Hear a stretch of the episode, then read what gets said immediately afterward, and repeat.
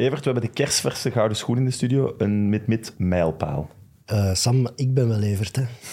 Oké, dit is veel slechter dan ik dacht. Eh, heb je vorige week gekeken naar de show, naar de gouden schoen? Ja, tuurlijk. Ja, terechte winnaar, denk ik. Ja, het is eh, de grootste overwinning ooit en ik denk dat dat wel terecht is. Ja, dat er ook mee te kunnen maken hebben dat er nu meer mensen stemmen dan vroeger. Ja, zeker. En ik denk dat, ja, ik denk dat het gewoon duidelijk was dat in beide periodes eh, Simon top was. En ik denk dat dat niet zo vaak voorkomt. Over awardshows gesproken. Dennis, welkom.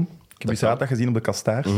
Al bekomen van de afterparty. Ik ben niet mee geweest naar de afterparty. Wat? Nee, ik, moest, ik moest de dag na de WK-finale van het hockey Nee, hij presenteren. vertelt het al verkeerd. Hij is niet mee geweest naar de after afterparty. Ja, ja, zo. Wel op de afterparty. Dat- ik ben blijven hangen. Even. Ja, het was gezellig. Hè? Ik vond het een leuk avondje, maar ik heb het rustig gehouden. Maar dat wil dus zeggen dat de enige die bij de twee feestjes aanwezig was, Sam is. Ja. Oké. Van ons. Ja, Ja. ja. ik was op geen enkel feestje.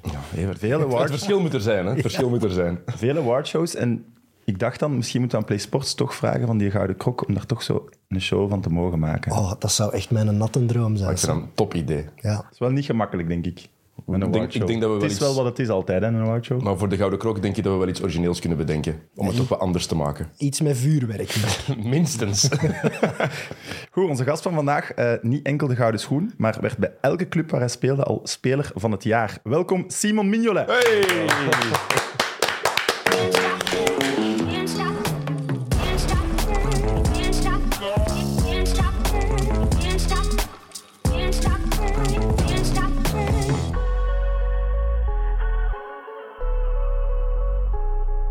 Simon, welkom bij Mid-Mid. Dank je. Hoe gaat het met u? Prima. We Ja? hebben een goede week erop zitten. Dus eh, eerst die gouden schoen winnen. Dus eh, dat is een droom die uitkomt. En dan anderzijds hebben we een goede zaak gedaan in, in eh, het kampioenschap met de overwinning van gisteren. Luistert je vaak naar podcast? Eh, meer en meer, moet ik zeggen. Eh, op het begin was ik daar niet zo'n fan van, maar ik zit ook af en toe wel eens in de wagen. En ik vind het leuker en leuker. Ehm, want ik ben nu op weg naar hier ook een podcast hebben, hebben zitten luisteren. ja. Oké. ik Nederlandstalig of Engelstalig? Dat was Engelstalig, ja. Oké. ja, ja. Nochtans, ik denk niet dat jij lang in de auto zit naar uw werk. Nee, dag, dagelijks is het maar kort. Maar ja, mijn ouderlijk huis of de familie woont in Sint-Truiden. Dus het is ook al vaak dat we eh, die afstand moeten doen. En dus dat is twee uur heen en twee uur terug. Dus dan kunnen we wel wat luisteren Maar natuurlijk. dan naar Limburg. Dat Inderdaad. is met een overnachting onderweg. Eh, vorige week de Gouden Schoen gewonnen. Wij willen natuurlijk weten, hoe was de afterparty voor u daar? Ja. Eh, leuk. Ehm, moet zeggen, er was redelijk wat volk van Club Brugge nog aanwezig. Ehm, en we hebben wel een redelijk goede band met elkaar, de spelers die aanwezig waren. En de vrouwen onderling ook. Dus we hebben... En mijn, ouders en mijn familie waren daar, mijn broer was daar. Dus we hebben daar nog even blijven hangen. Ja, het viel me wel echt op dat jullie met veel lang bleven. Wel allemaal eh, niks aan het drinken. Nou, dat zou ik niet zeggen. Ik heb ook iets gedronken. Ik denk dat dat ook wel moet op die moment. Maar Je dacht dat dat plat water was. de weet, dag... Odoi, die stuurde mij altijd voor drank, dus die wist ik, die dronk gewoon tonics. Ja, maar Dennis drinkt niet, hè. dus is Dennis zal helemaal niks drinken. Nee. Maar ehm, de andere mensen die daar waren, hebben wel iets gedronken. Eh, maar we hadden de dag erna ook training, hè, dus we moesten rustig blijven. Maar zo'n afterparty van de Gouden Schoen en je zijt de Gouden Schoen, dan wil toch iedereen iets van u? Nee, dat is waar. Eh, en op dat vlak denk ik wel dat het, eh, de editie van dit jaar beter was, met het feit dat er maar 300 mensen aanwezig waren.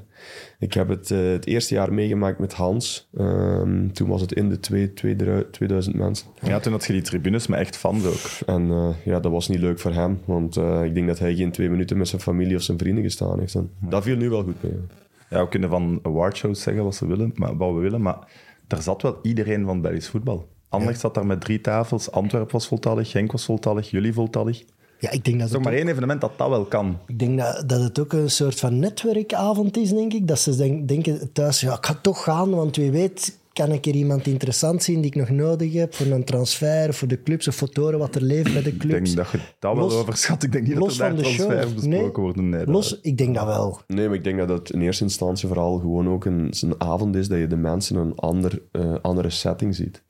En ja, de Gouden Schoen zal en altijd is blijven in België wat het is. Hè. Ja, het is het allergrootste. Ik vind het ook een hele mooie prijs om te winnen.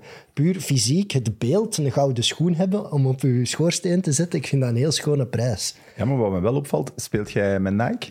Ja, Want het viel wel op dat het een Nike-schoen was. Dus ik dacht dan, ja, oei, als het nu iemand anders wint die niet met Nike speelt, is dat iets wat ze op voorhand checken? Of Dat durf ik niet zeggen. Ik denk dat ze wel. hebben misschien meerdere exemplaren? Dus misschien geeft het merk van de schoen die er staat het al weg.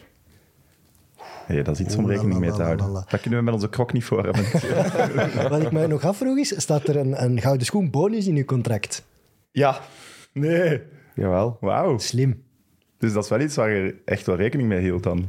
Of dat is standaard? Ja, nee, maar ja, elke prijs die je kunt winnen natuurlijk, hè, datzelfde met de Ballon d'Or. Hè, maar, eh, Je hebt Ja, ook die een staat Ballon er. d'Or. nee, dat niet, dat niet, dat niet, dat niet. Dus dat, dat hangt een beetje vanaf wat, wat de haalbare prijzen zijn. Hè. Ja.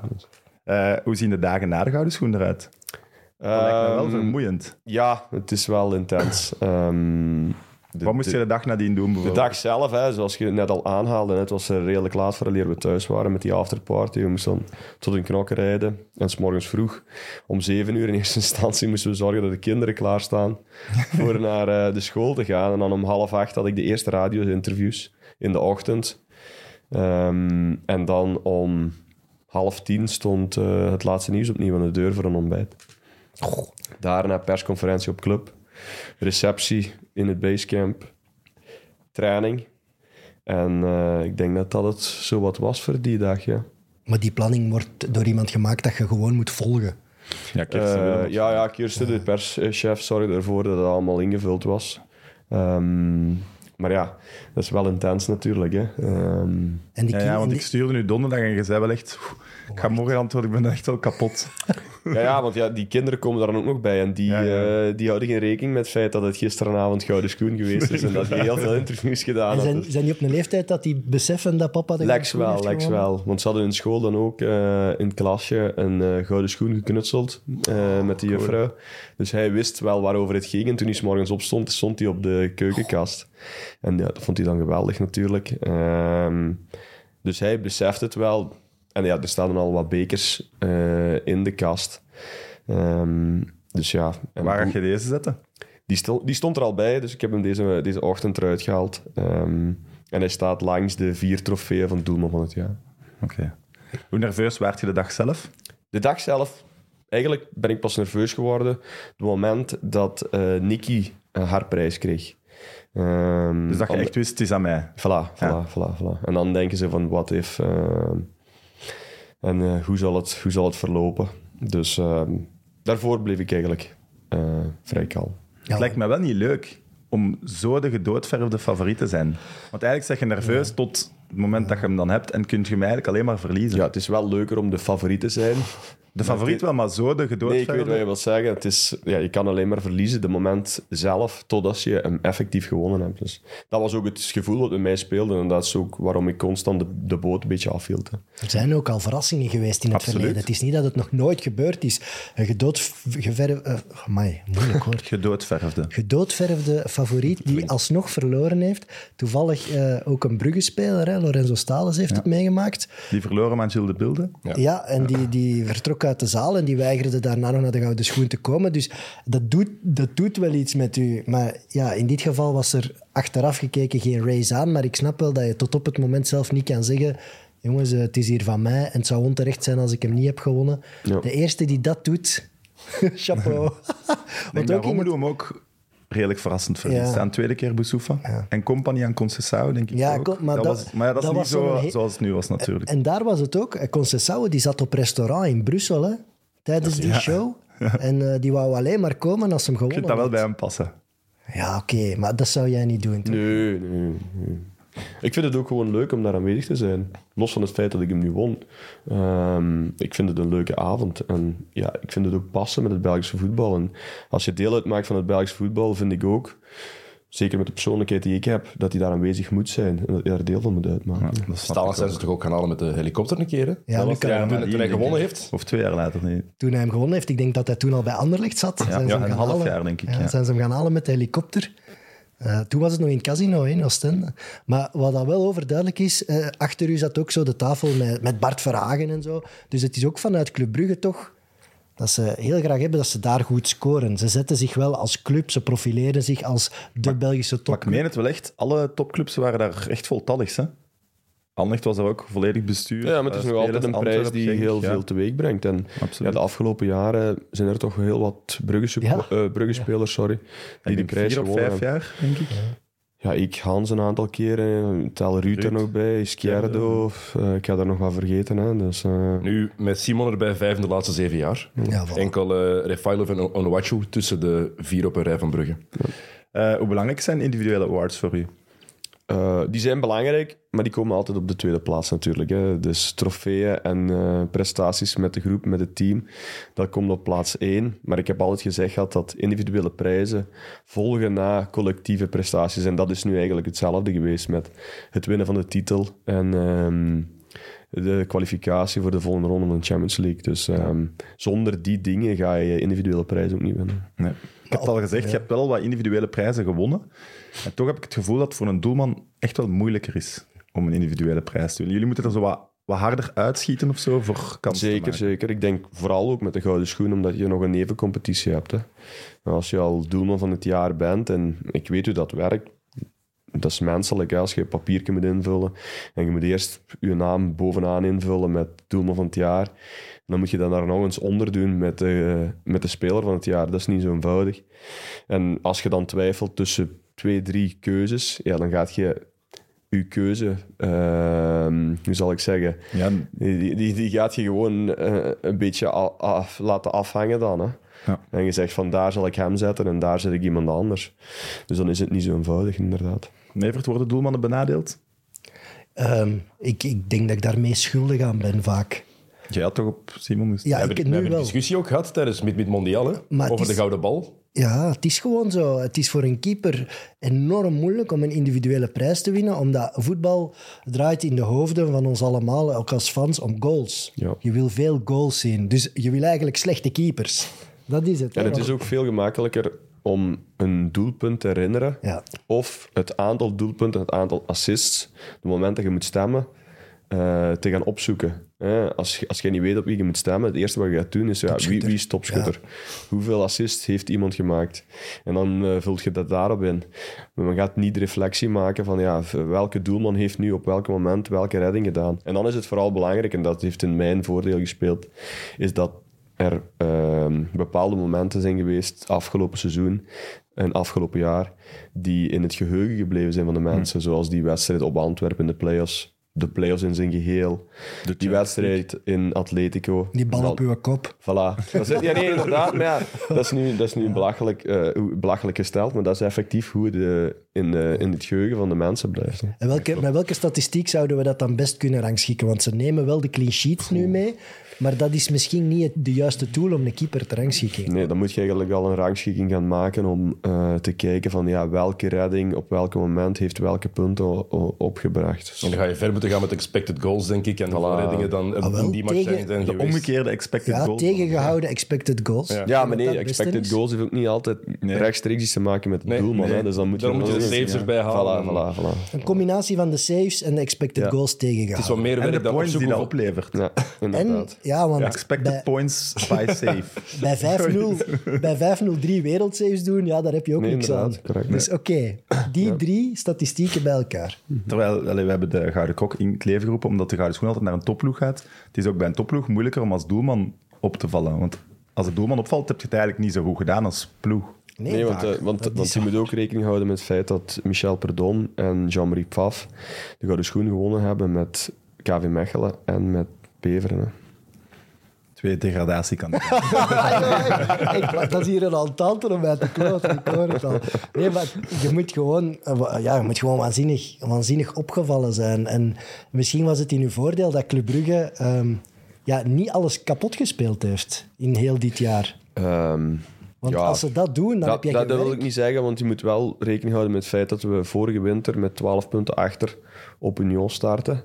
En ik denk dat we dan tot de play-offs eigenlijk heel erg goed eh, gepresteerd hebben als groep. Ja, klopt. Ja, en a- alleen met Simon wordt Nee, je ook nee, niet kampioen. nee, hè. nee, nee. Het is, hij was zeker de opvallendste en misschien de, heeft er meest toe bijgedragen, maar op Oké, spel moet maar het ook kan- nog altijd gebeuren. En zeker ook niet in de Champions League gaat hij ook niet alleen als doelman doen. Nee. Inderdaad, nee. die wedstrijd tegen Atletico springt er nu wel tussenuit, omdat we daar ook met tien man vallen op het einde. Ehm, maar in het algemeen hebben we ook daar als groep zeker en vast een blok gevormd dat de situaties die ik moest oplossen manageable waren. Eh, Dan onderschat je zelf wel, denk ik. Buiten die wedstrijd in Atletico. Want ik, allee, voor de rest eh, zijn het reddingen geweest die goed waren, maar die wel in een situatie kwamen waarin ik een kans had om een save te maken. Want anders, sorry, maar als je tegen de beste van de wereld in de Champions League komt, dan hangen ze normaal gezien wel in het netje. hè. Maar ik kan wel, ik kan wel tien keepers opnoemen eh, waarmee Club Brugge in de play-offs geen kampioen was geworden. Dat is gewoon zo. Dat kan. Karius? Dat kan. ja, maar- Eh, oefent je speech de dagen voor de Gouden Schoen? Ehm, ik probeer er wel even rekening mee te houden. En dat oefenen niet. Maar ehm, Zo in de auto niet zo al... ik probeer wel zo in mijn hoofd even na te denken van wat ga ik zeggen. Ja. Maar ik had dat zelfs bij de Kastaars en we waren niet eens genomineerd. Wat? Ik was me zo van verveling uit en zo, wat als, als we die nu zouden winnen? ja. En alleen doe maar. Nee, dat ga ik niet doen. Nee, maar ja, je moet ook rekening houden met het feit als je dat dan vast hebt, dan heb je een beetje adrenaline, je zit dan wat nerveus, je moet op, die- op dat podium komen en als je dan niet weet wat je moet zeggen, dan staat je daar. Ja, Ik vond het opvallend, iets wat je ook zelden hoort. Jij bedankte uzelf. Ja maar ja, dat is, dat is, dat is, Ja, dat vond- is ik vond dat cool, hè, Dat want is tweeledig, hè, want je hebt, je hebt twee mensen van jezelf. Je hebt je persoon en je hebt de kwaliteiten als voetballer, maar ik bedoel daar vooral mijn hoofd mee. Hè. Ehm, Je zei, ik heb veel moeten opofferen hiervoor om hier te komen en zo. Ja, en vooral ook gewoon dat... Allee, ik heb ook al wat tegenslagen gehad. Hè. En, en dat, heeft, dat heeft niks te maken met mijn lichaam. Want ik heb, eh, ik hou het vasthouden, ik ben nog maar zelden of weinig geblesseerd geweest. Maar eh, je krijgt af en toe wel wat tegenslagen mentaal te verduren. En dan is het vooral een kwestie van een, eh, een goede kop te hebben. En gelukkig heb ik dat. Ja. Ik ben ook voor de vierde keer op rij doelman van het jaar geworden. Ik denk dat dat nog nooit gebeurd is, maar dan kijk ik naar Evert. Vier keer op rij. Eh, Michel, denk ik, heeft er ooit eh, drie op rij gehaald. Dus ja, dan zal Simon de eerste zijn met vier. Ook wel straf, want we hebben in België wel een aantal goede doelmannen, vind ik. Ja, maar hij is- ja, ik ja vind oké, maar, wie, Komt er, wie komt er naast hem? Echt op Verdomme, heeft een heel goed jaar gehad. Ja. Eh, in- Anthony Moritz vind ik ook altijd heel stabiel spelen. Ehm Ja, maar van niet de op het komt nu ook... internationale niveau dat, dat jij haalt, denk ik. Nee, maar ik, ik, vind vind, het goede wel, doelmannen, ik maar- vind wel dat wij in België, in de Belgische competitie, een goed niveau van, van doelmannen hebben. Dat, dat is wel zo. We hebben ook bijna altijd een goede nummer 1 bij de Rode Duivels, vind ik. Ja, we hebben fantastische keepersopleidingen. Hè. Ik weet niet wat ze overal in dat water doen bij die keeperstrainers, maar we hebben echt... Allee, jij Veel er ook product, ook. Ja, jij zit er ook een product van. Hè. We, hebben, we hebben inderdaad een eh, goede ervaring met veel goede keepers. Maar ik denk dat dat ook een beetje met de morfologie te maken heeft van onze samenleving. Ik denk dat wij grote mensen zijn, verstandelijke mensen zijn. En de afgelopen jaren is het doelman vaak, of het vak van de doelman, toch wat geëvalueerd. Vroeger moest je zot zijn en moest je gewoon overal tussen vliegen. Maar nu komt het veel meer neer op juiste beslissingen maken. En ik denk dat daarom, eh, met de opleiding die we hebben en een goede opleiding in de school, goede opleiding op het veld, ervoor zorgen dat je toch allee, de juiste, de juiste samenstelling hebt. Ja. En is dat verstand dan nodig voor concentratievermogen? Ja, dat, juiste beslissingen maken op welk moment, rustig blijven. En ook in de mindere periodes, zoals ik net al aanhaalde, daarmee kunnen omgaan. En ik denk als je dan doorgaat, zoals Thibaut, Koen, eh, Maarten die nu komt opzetten, allee, dat zijn allemaal dezelfde factoren. Maarten is ook iemand, je kunt daar zeven, zeven keren niets tegen zeggen, maar die gaat zich daar niet door uit zijn lood laten slaan. Hetzelfde met Thibaut, hetzelfde met Koen, hetzelfde met Mats. Ik ga daar jongens vergeten. Het zijn allemaal dezelfde, hoe Ja, zal ik zeggen, wat je bedoelt. rustige Zen, mensen. vrij zen. Voilà, voilà, voilà. Ja, het is de meest kwetsbare positie op een veld sowieso, denk ik. Ja, absoluut. Want als doelman, ja, het is een cliché, maar het is, je maakt een fout en het is kassa. En gemiste kans van een spits, dat zal een keer in de krant verschijnen, maar een dag later is iedereen dat vergeten. Dus het is, het is enorm kwetsbaar. En het is ook geen toeval dat we in het verleden al hebben gezien dat heel veel keepers mentale problemen krijgen tijdens hun carrière. Omdat ja, je staat daar eigenlijk helemaal alleen, want je bent de enige met handschoenen aan. Ja. Je bent de enige die die kwetsbare positie heeft. Dus ik, ja, ik vind dat, dat, dat fascineert mij, een, een doelman zijn. Dat Je fascineert bent super mij. kwetsbaar wel. Ja. Eh, ja, dat is zo. Maar we, we waren er nog over aan het lachen deze week op training, want zijn een paar tactische dingen aan het doen. En Noah mist op een bepaald moment controle eh, met een, eh, een fase die we aan, eh, het oefenen. aan het oefenen waren. Maar ja, dus oké, we doen dat opnieuw. Bij mij was het dan een doeltramp. En ik, Dennis speelt met de bal in en ik mis mijn controle, waardoor de bal gewoon bijna een eigen doel loopt. Ja, en, en Noah lacht me met dat eh, voorval. En ik zei van, ja, maar ja, na die training, zeg, bij u gebeurt het daar bij die aftrap. En ja, oké, dat is in het midden van het veld. En die, die fase is eigenlijk identiek hetzelfde. 100%. Maar dat, dat is gewoon eigen aan de, aan de positie die we invullen. Eh, gisteren voor het eerst kunnen winnen onder Scott Parker. Wat voor iemand is hij? Ehm, ik denk dat hij toont wat voor een persoon hij is naar de buitenwereld. Ik denk dat hij een, rustige gentleman is, mogen we dat zo zeggen. Eh, die een duidelijk idee heeft van het voetbal dat hij wil brengen. Ehm, en hij heeft al een aantal dingen aangepast. Ik denk dat hij eigenlijk heel veel dingen wil veranderen om in zijn manier van voetballen te komen. Maar ja, dat is tijd nodig. En, ehm, het is nu wel in de periode waarin we zaten vooral belangrijk om eh, drie punten te pakken. Dat hebben we gisteren gedaan. Dat zorgt voor wat rust, wat vertrouwen.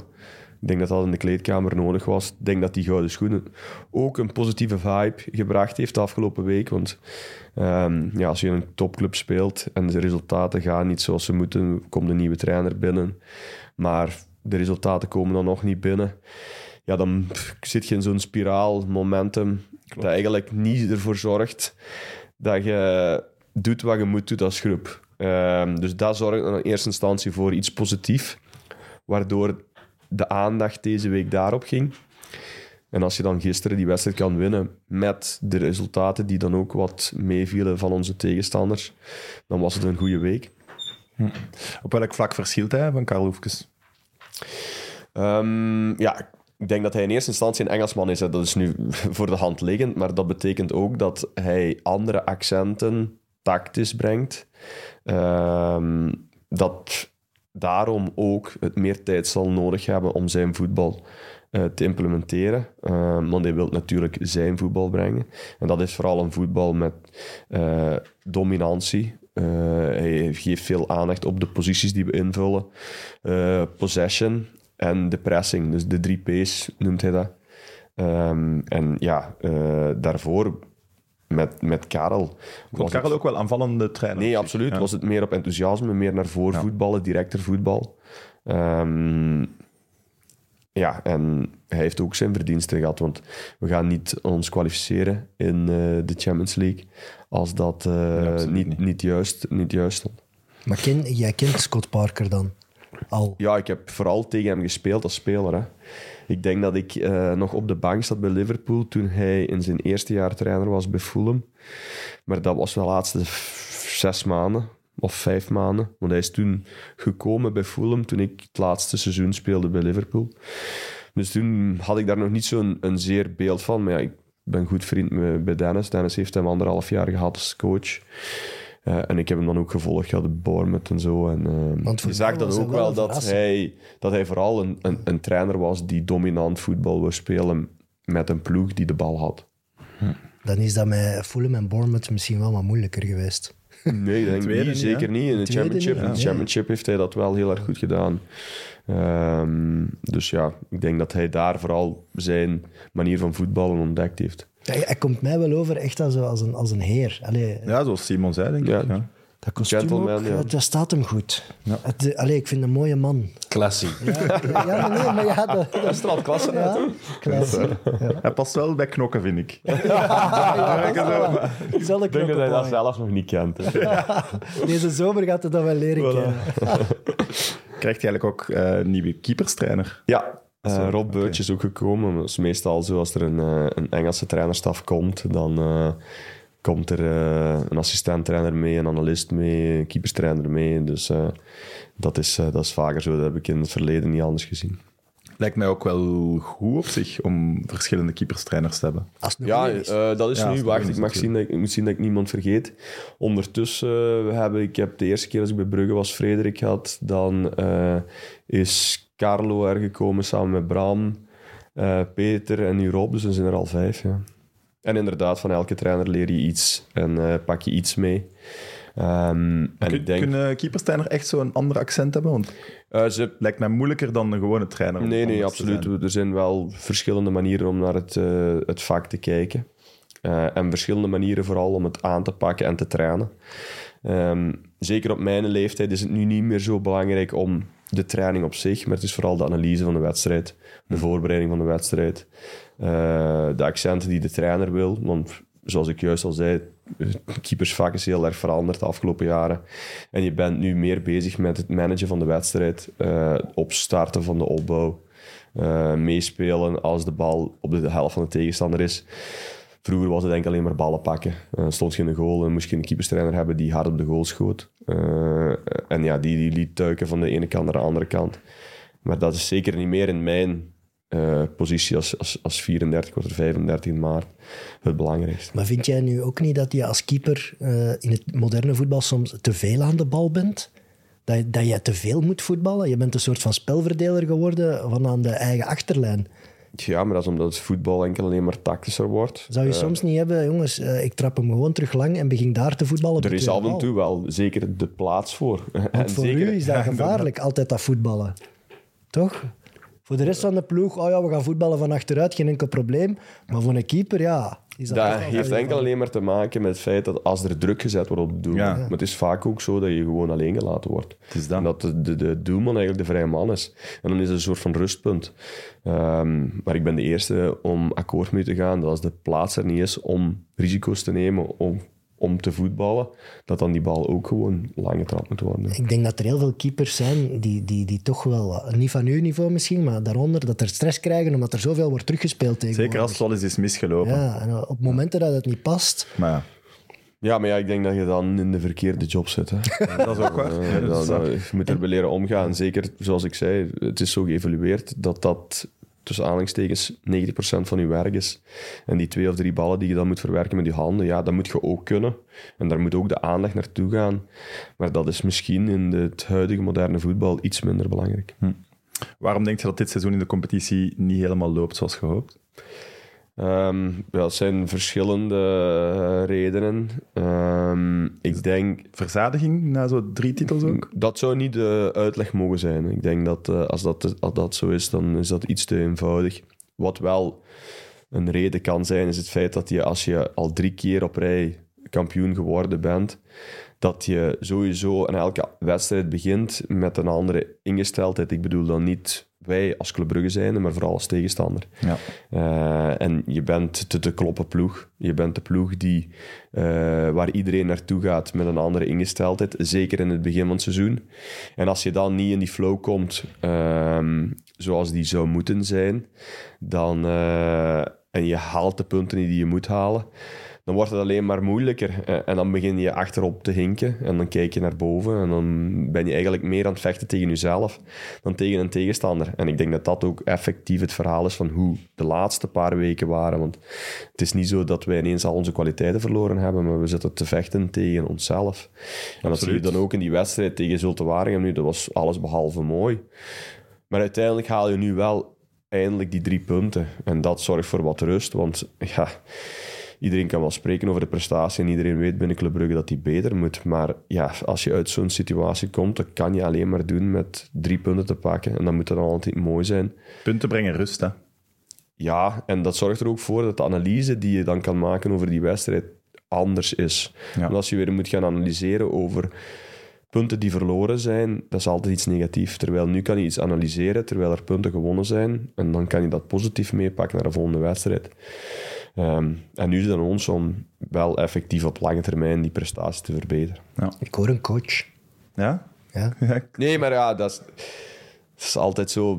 Er wordt altijd gekeken van als er een uitleg gedaan moet worden van is dat een cliché antwoord of is dat iets wat er zomaar gezegd wordt voor er vanaf te zijn. Ik denk niet dat dat is.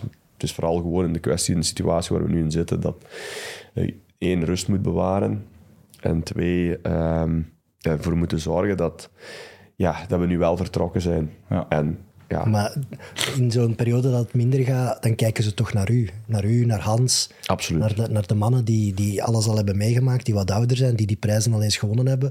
Want jullie hebben op zich wel weer veel nieuwe spelers. Ja, maar dat is ook te- om aan te sluiten op het verhaal van waarom het minder draait. Hè. Dan zit je met een paar blessures. Je zit met de, de inbreng van heel veel nieuwe spelers. Heel veel jonge spelers. Ja, jong, ja. En als je dan in dat mentaal verhaal zit van je zit het te kloppen ploeg en je mocht eigenlijk weinig fouten maken.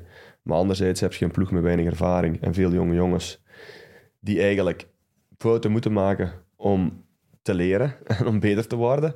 Ja, dat is een mix die heel erg moeilijk is. En ja, we, we hebben op dit moment eh, maar twee, drie ervaren spelers die standvastig genoeg zijn om daarmee om te kunnen gaan. Ik denk dan in eerste instantie aan mij, ik denk dan aan Hans, Dennis. Maar eh, ja, voor de rest zijn het allemaal nieuwe jongens die zich eh, in moeten brengen. En dan heb je er een paar zoals Noah en Skof, die vanuit hun talent voetballen. En weliswaar niet zozeer met dat mentale bezig zijn, want die hebben dat niet nodig. Die zijn gewoon bezig met hun eigen wedstrijd. Maar als de groep dan niet draait zoals het moet draaien, dan gaan zij ook niet mee het verschil kunnen maken. Dus dat is een beetje de spiraal waar we in zaten. En laten we hopen dat we nu één met het resultaat van gisteren. En ook met het feit dat je nu twee topwedstrijden hebt, zowel tegen Antwerpen als Union, die mentaal gezien in de voorbereiding daarna iets makkelijker zijn om voor te bereiden. Want je speelt nu niet tegen de Zulte of de STVV's die niks te verliezen hebben, maar ook tegen een ploeg die, die effectief ook wel moeten winnen. Ik herinner mij ook van een, van een ver verleden, toen Anderlecht Champions League speelde, dat de matchen voor en na zo'n stunt of een Europese match altijd wel minder waren. Het was altijd hopen dat je Maar de is drie dat punten echt? Want ik denk, ik, snap dat echt ook denk dat het omgekeerde ook kan spelen. Dat je in een seizoen in een flow geraakt, waar dat je van denkt, oh, wat gebeurt er hier allemaal? Wij blijven goed spelen door die Champions League die ertussen zit. Je gaat van match naar match naar match. Je moet niet te veel nadenken in de week. En als je weet, daarom dat ik het zo raar vond, je speelt zo'n goede Champions League campagne. Mhm. Maar en dat dan zijn, daarna dat zijn kwam die twee verschillende Ja. wedstrijden. Zeker nu, de dag van vandaag. Wij gaan naar Atletico, wij gaan naar Porto, wij gaan naar Leverkusen. In dezelfde situatie als dat Zulte Waregem of STV naar Club Brugge komt. En dat is een andere aanpak Ja. en een andere manier.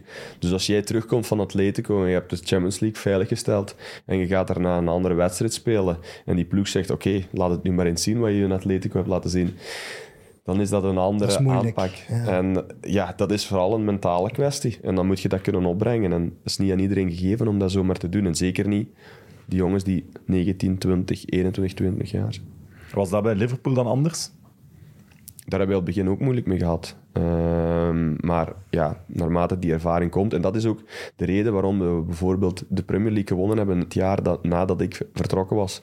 Want die kentering is eigenlijk ingezet het jaar dat we de finale verloren hebben. Ja. Toen bij de winter is Virgil van Dijk gekomen. En eh, die zorgde natuurlijk voor heel veel stabiliteit. We hebben dat tweede deel van het seizoen bijna geen punten meer laten liggen. We speelden die finale. Spijtig genoeg verliezen we die finale. Maar het jaar daarop spelen we ehm, voor de titel. Ik denk dat we dan op één punt verliezen van Ik eh, denk de beste Manchester City. ooit in de Premier League. Juist. Ja, en je wint de. Champions League finale. Snap je wat ik wil zeggen? En dat kwam vooral gewoon omdat we de jaren daarvoor alles hadden meegemaakt. We hadden de Europa League finale behaald, maar verloren. Daarna had je de Champions League gehaald, maar verloren. Je was tweede geworden in de Premier League, ja, maar je had hem niet gewonnen. Dus je hebt alles eigenlijk meegemaakt, maar je gaat nog niks vast. En dan, daarna, de moment dat we die Champions League finale binnenhaalden, ja, was het klaar. En dan kwam, was het een trein die begon te bollen. Maar dan moet je als club dus kunnen bouwen, hè, kunnen bouwen en bouwen. Maar je ziet natuurlijk ook bij een Club Brugge, als eh Scovolsen een fantastisch jaar speelt of bekennen, eh goed WK, die zijn gewoon direct weg en er komt weer een nieuwe 20 Correct. jaar. En dat is natuurlijk Dus het leven van een Belgische club. met jonge spelers. Ja, maar dat is het leven van een Belgische club, hè, want je Ja, moet maar- verkopen om leefbaar te blijven. Maar jullie moeten wel Ik vind dat net wel de basis van het succes van Club Brugge, is dat ze dat niet volledig doen. Ze proberen doen. bepaalde Jij spelers... zit er vier Ja, jaar, Mechelen zit er, Van Nee, ze er, proberen altijd een beetje de gezeten. as te bewaren Ja. met steunpilaren. Als je kijkt naar een Genk en Anderlecht, daar is dat wel echt heel de ploeg. Maar dat is ook, dat is ook logisch in België. Hè. Je Ja, kan niet blijven bestaan zonder, zonder dat. Want iemand eh, als Verhagen gaat toch niet zeggen, hey, we hebben Onjedika gaan halen, eh, vorig jaar nog Scovolsen, Buchanan komt erbij, uh, Jutkla, Jaremchuk. Maar oké, het, is, het zijn veel nieuwe spelers, dus geen kampioen is ook goed. Dat, zo gaat het ook niet. Hè? Nee, natuurlijk niet. We, moeten verplichten ons altijd aan, eh, aan ons eigen of aan Club Brugge zijn om succesvol te zijn. Maar je, zelf, je stelt zelf ook voor, hè. Rafael komt binnen, Casper komt binnen, Skof is tussen aanhalingstekens een beetje nieuw, Tejan is nieuw, eh Bjorn is nieuw, Abakar Silla is nieuw. Eh, ik kan er nog zo wel even door. En. Dedrick komt binnen. Alle Dedrick aanvallers, heeft wel wat ervaring, maar heeft ook nog niet echt in de Belgische competitie gespeeld. Ja, eh Jutkla, Roman. Ehm, ja, dat is, dat is niet... Dat is nog wel heel te veel. Dat is redelijk waar. En ehm, ja, de Belgische competitie is op dat vlak helemaal geen cadeau. Hè? Want ehm, hier moet je elke wedstrijd ehm, moet je winnen. En niet enkel alleen op basis van kwaliteit, maar ook je moet ze kunnen winnen door in eerste instantie de tegenstander te matchen qua intensiteit. Ja. Eh, en het is een beetje vergelijkbaar op dat vlak als de Premier League, waar iedereen van iedereen kan winnen, maar iedereen kan van iedereen ook verliezen. En dat is niet zoals bijvoorbeeld in Nederland, waar je de top 4 hebt, die vrijwel elke wedstrijd makkelijk winnen tegen de onderste regionen. Of zoals bijvoorbeeld in Frankrijk, waar de top 3 bijna Ja, altijd hetzelfde is. Ja, we zijn... Wij hebben een grote middenmoot. Toch? Ja, en we zijn bijvoorbeeld eh, in Spanje, als, eh, ik weet de jaren dat Barcelona zo goed was, de tegenstanders stel, stelden eigenlijk hun bankzitters op, omdat ja, dan de, de week daarna was een belangrijkere match, want tegen Barcelona gingen ze sowieso verliezen. Dus dan werd het alleen maar makkelijker voor Barcelona om hun matchen te winnen. En dat heeft Bayern München soms ook. Hè. Dat ze tegen een degradatieploeg spelen, die stellen gewoon hun B-ploeg op. Ja, wij hebben dat. dat is in België wij hebben dat, niet. Hoe zal ik zeggen? Dat, we hebben, je kunt dat complex noemen of niet, maar iedereen weet wat er gebeurt als je naar Bayern München gaat. Iedereen weet wat Je er bent gebeurt. mentaal al een beetje Absoluut. zwakker. Dat is dan de mentale... ja, Net het omgekeerde als wat wij voor hebben. Want nu zijn wij de te koppen ploeg. Want wij zijn de ploeg waar we alles aan gaan doen om er tegen te winnen. Terwijl dat je naar Bayern München gaat met het idee van ja, we willen niet afgeslacht worden. Daar willen jullie wel naartoe. Dat, ja, dat ploegen maar dat gevoel wij hebben. zijn daar nog niet. Wordt er in de kleedkamer nog over de titel gesproken? Want je, we hebben vorig jaar gezien hoe snel het wel kan Nee, absoluut. kan We beseffen heel erg goed dat het nog kan. Eh, net om die play-offs.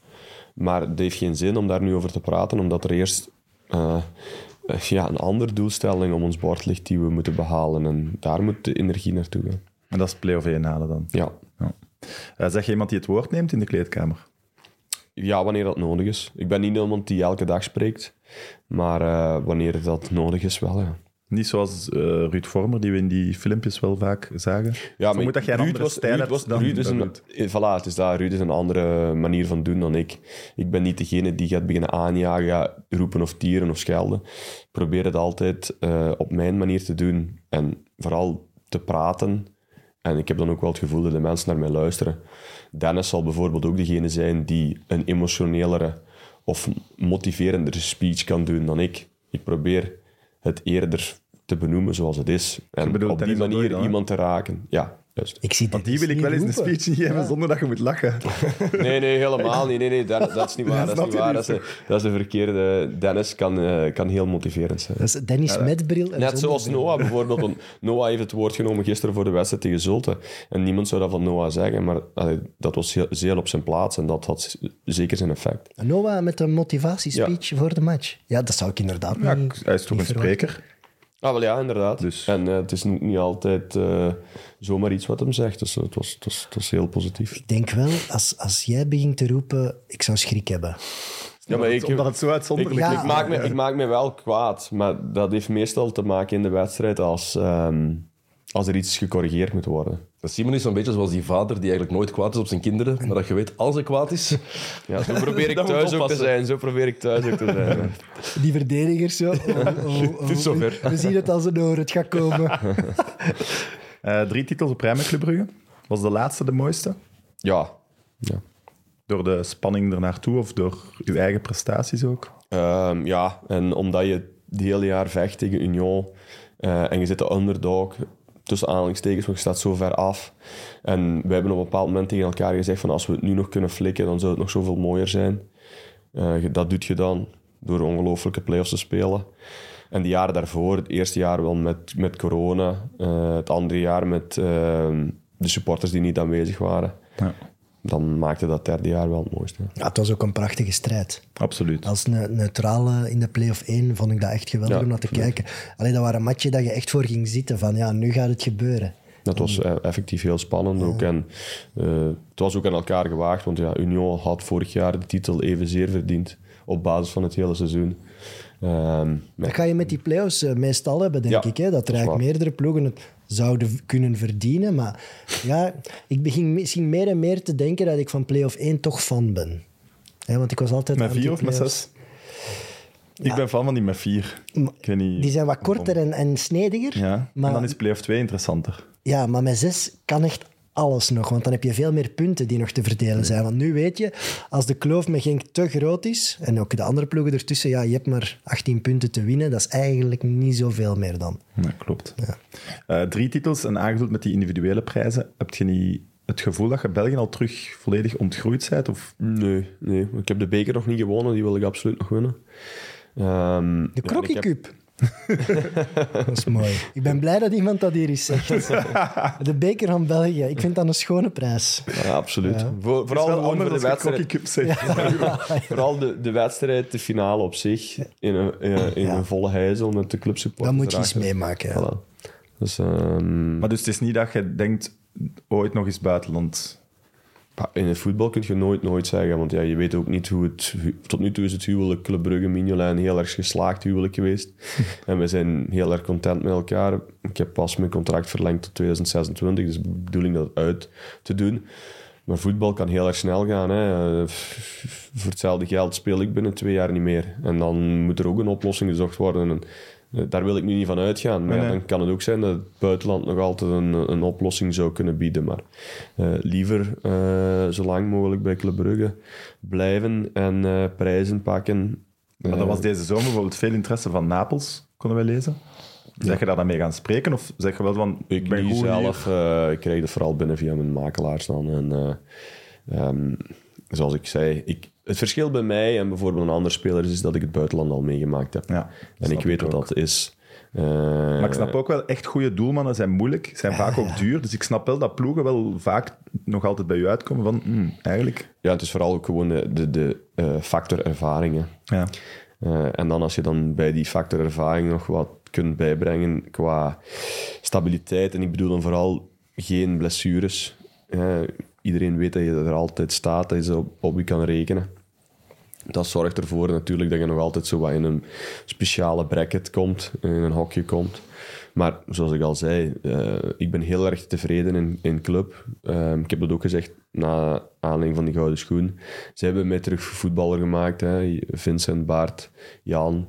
Ehm, en ik ben hun daar heel erg dankbaar voor. Dus hoe lang ik met Club eh, succesvol kan zijn, hoe liever. Niet enkel alleen op het veld, maar ook naast het veld. Maar langs de andere kant, en ik, vind dat, ik, allee, ik vond dat bewonderenswaardig en heel goed. eh, die aan- aankondiging dat je terugkwam naar België. Hè, want dat is op zich wat de Belgische competitie nodig heeft. Hè, dat mannen van uw statuut terugkeren op een, op een moment in hun carrière dat ze echt nog topfit zijn. Ja. Maar je ziet dan wel met je trackrecord dat het niveau misschien onder dat van jou ligt, van de competitie. En heb je dan niet zoiets van, ja, oké, misschien... Ja, maar eh, er is een verschil. En ik, ik volg u, maar het feit dat je doelman bent. Een bal pakken blijft wel een bal pakken. En ja, of dat nu in de Belgische competitie is, hoe die bal op de goal geschoten wordt, of dat is in de Premier League, dat is eigenlijk vergelijkbaar. En ja, je gaat in bepaalde situaties moeilijkere tegenstanders tegenkomen, zoals bijvoorbeeld tegen een Haaland. Dat is een, een specifiek voorval, maar je speelt ook nog in de Champions League. Dus die voorvallen kunnen daar ook nog gebeuren. Ehm, en ja, wat nog leuker maakt voor mij is hier, is dat ik niet enkel alleen op het veld, maar ook naast het veld die leidinggevende figuur ben, die, mij ook, die mij ook meer triggert en die mij ook meer uit mijn tent lokt om daar ook bij te dragen. Het is niet enkel alleen mijn match die nog telt. Het is ook nog de match van, van de club. En daarom voel ik mij ook vaker meer verantwoordelijk eh, als we verloren hebben. En dat heeft dan niks te maken met mijn individuele prestatie, maar dat heeft gewoon te maken met het feit van, ja, ik ben daar ook deel van, deels verantwoordelijk voor. Niet enkel alleen door mijn individuele prestatie, maar voor de collectieve prestatie. Maar je dat gaat, ouder ja. worden? Dat dat Ja, ja, ja, is? absoluut. Absoluut.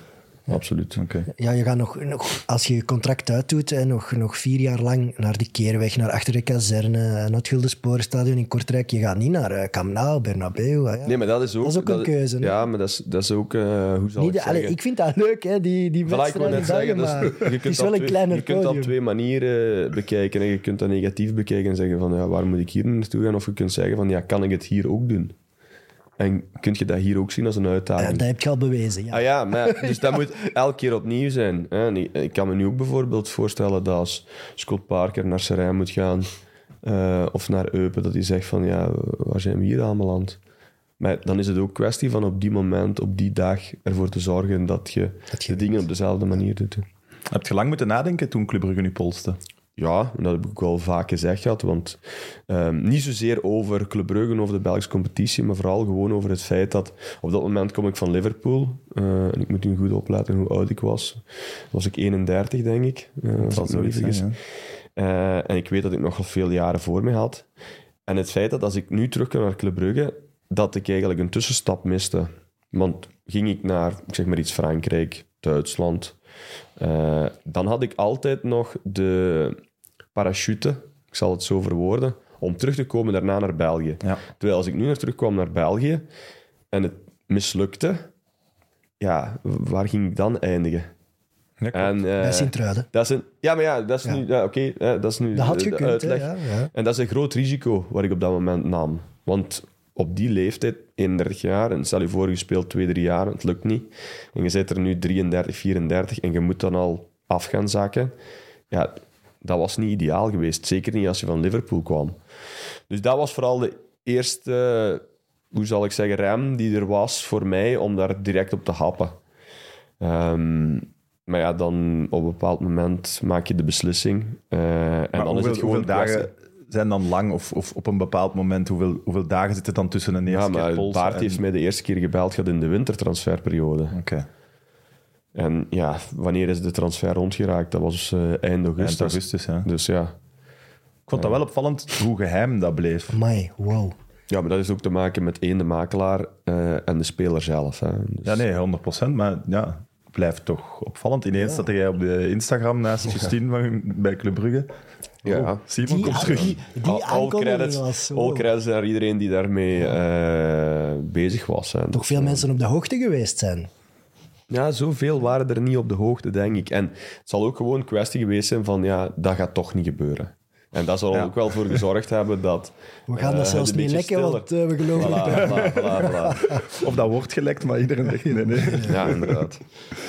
Eh, ik las op Wikipedia dat je pas op je veertiende keeper bent geworden. Klopt. Dat vind ik wel heel laat. Ja, inderdaad. Ehm, mits eh, wel een klein verschil. Ik was wel al langer met keeperstraining bezig. Dus eh, ik speelde altijd... Ik ben vooraan begonnen, in de spits. Hè. Ik ben zo afgezaakt. Ik kan nu niet meer verder naar achter. Dat sta in de tribune. Ehm, maar ehm, ja, ik speelde eigenlijk jeugdleeftijd ook bij STVV. Eh, Op het veld. op het veld, middenvelder. Daarvoor speelde ik spits met mijn jeugdploegen, maar bij STVV was dat het middenveld. En ik heb op dat moment een groeispurt gehad. Ehm, heel erg jong. En dat zorgde voor redelijk wat groeipijnen, waardoor ik op korte tijd heel erg traag werd. Eh, en de lenigheid ging ook niet mee. Ik kreeg last van mijn rug. En mijn vader die deed alles voor dat bij te werken. Ik ben naar de atletiekschool gegaan voor snelle voeten te creëren. Was niet echt de oplossing. En ehm, op een bepaald moment zegt er iemand van waarom kom je geen keeperstraining doen? En dat was dan bij die befaamde keeperstrainer in Sporting Aals, mijn lokaal ploegje. De beul. De Beul, klopt. Goeie bijnaam wel. Ja, inderdaad. En dat was ook wel effectief zo. Eh, op een Die heeft u maar- overtuigd om keeper te worden. Ja, dus eh, dat Keeperstraining. komt zo'n beetje... Ja, voilà. Die heeft hij overtuigd om eerst keeperstraining te gaan doen. En dat was op een maandagavond, als ik dat goed heb, in de modder. Op zo'n lokaal veldje. Met zo van die lampen die eigenlijk niet fatsoenlijk schenen. Maar eh, dat had wel iets. Ehm, en dat was elke avond dan, elke maandagavond vol een bak trainen. Zwaar trainen. En één, ik vond dat leuk.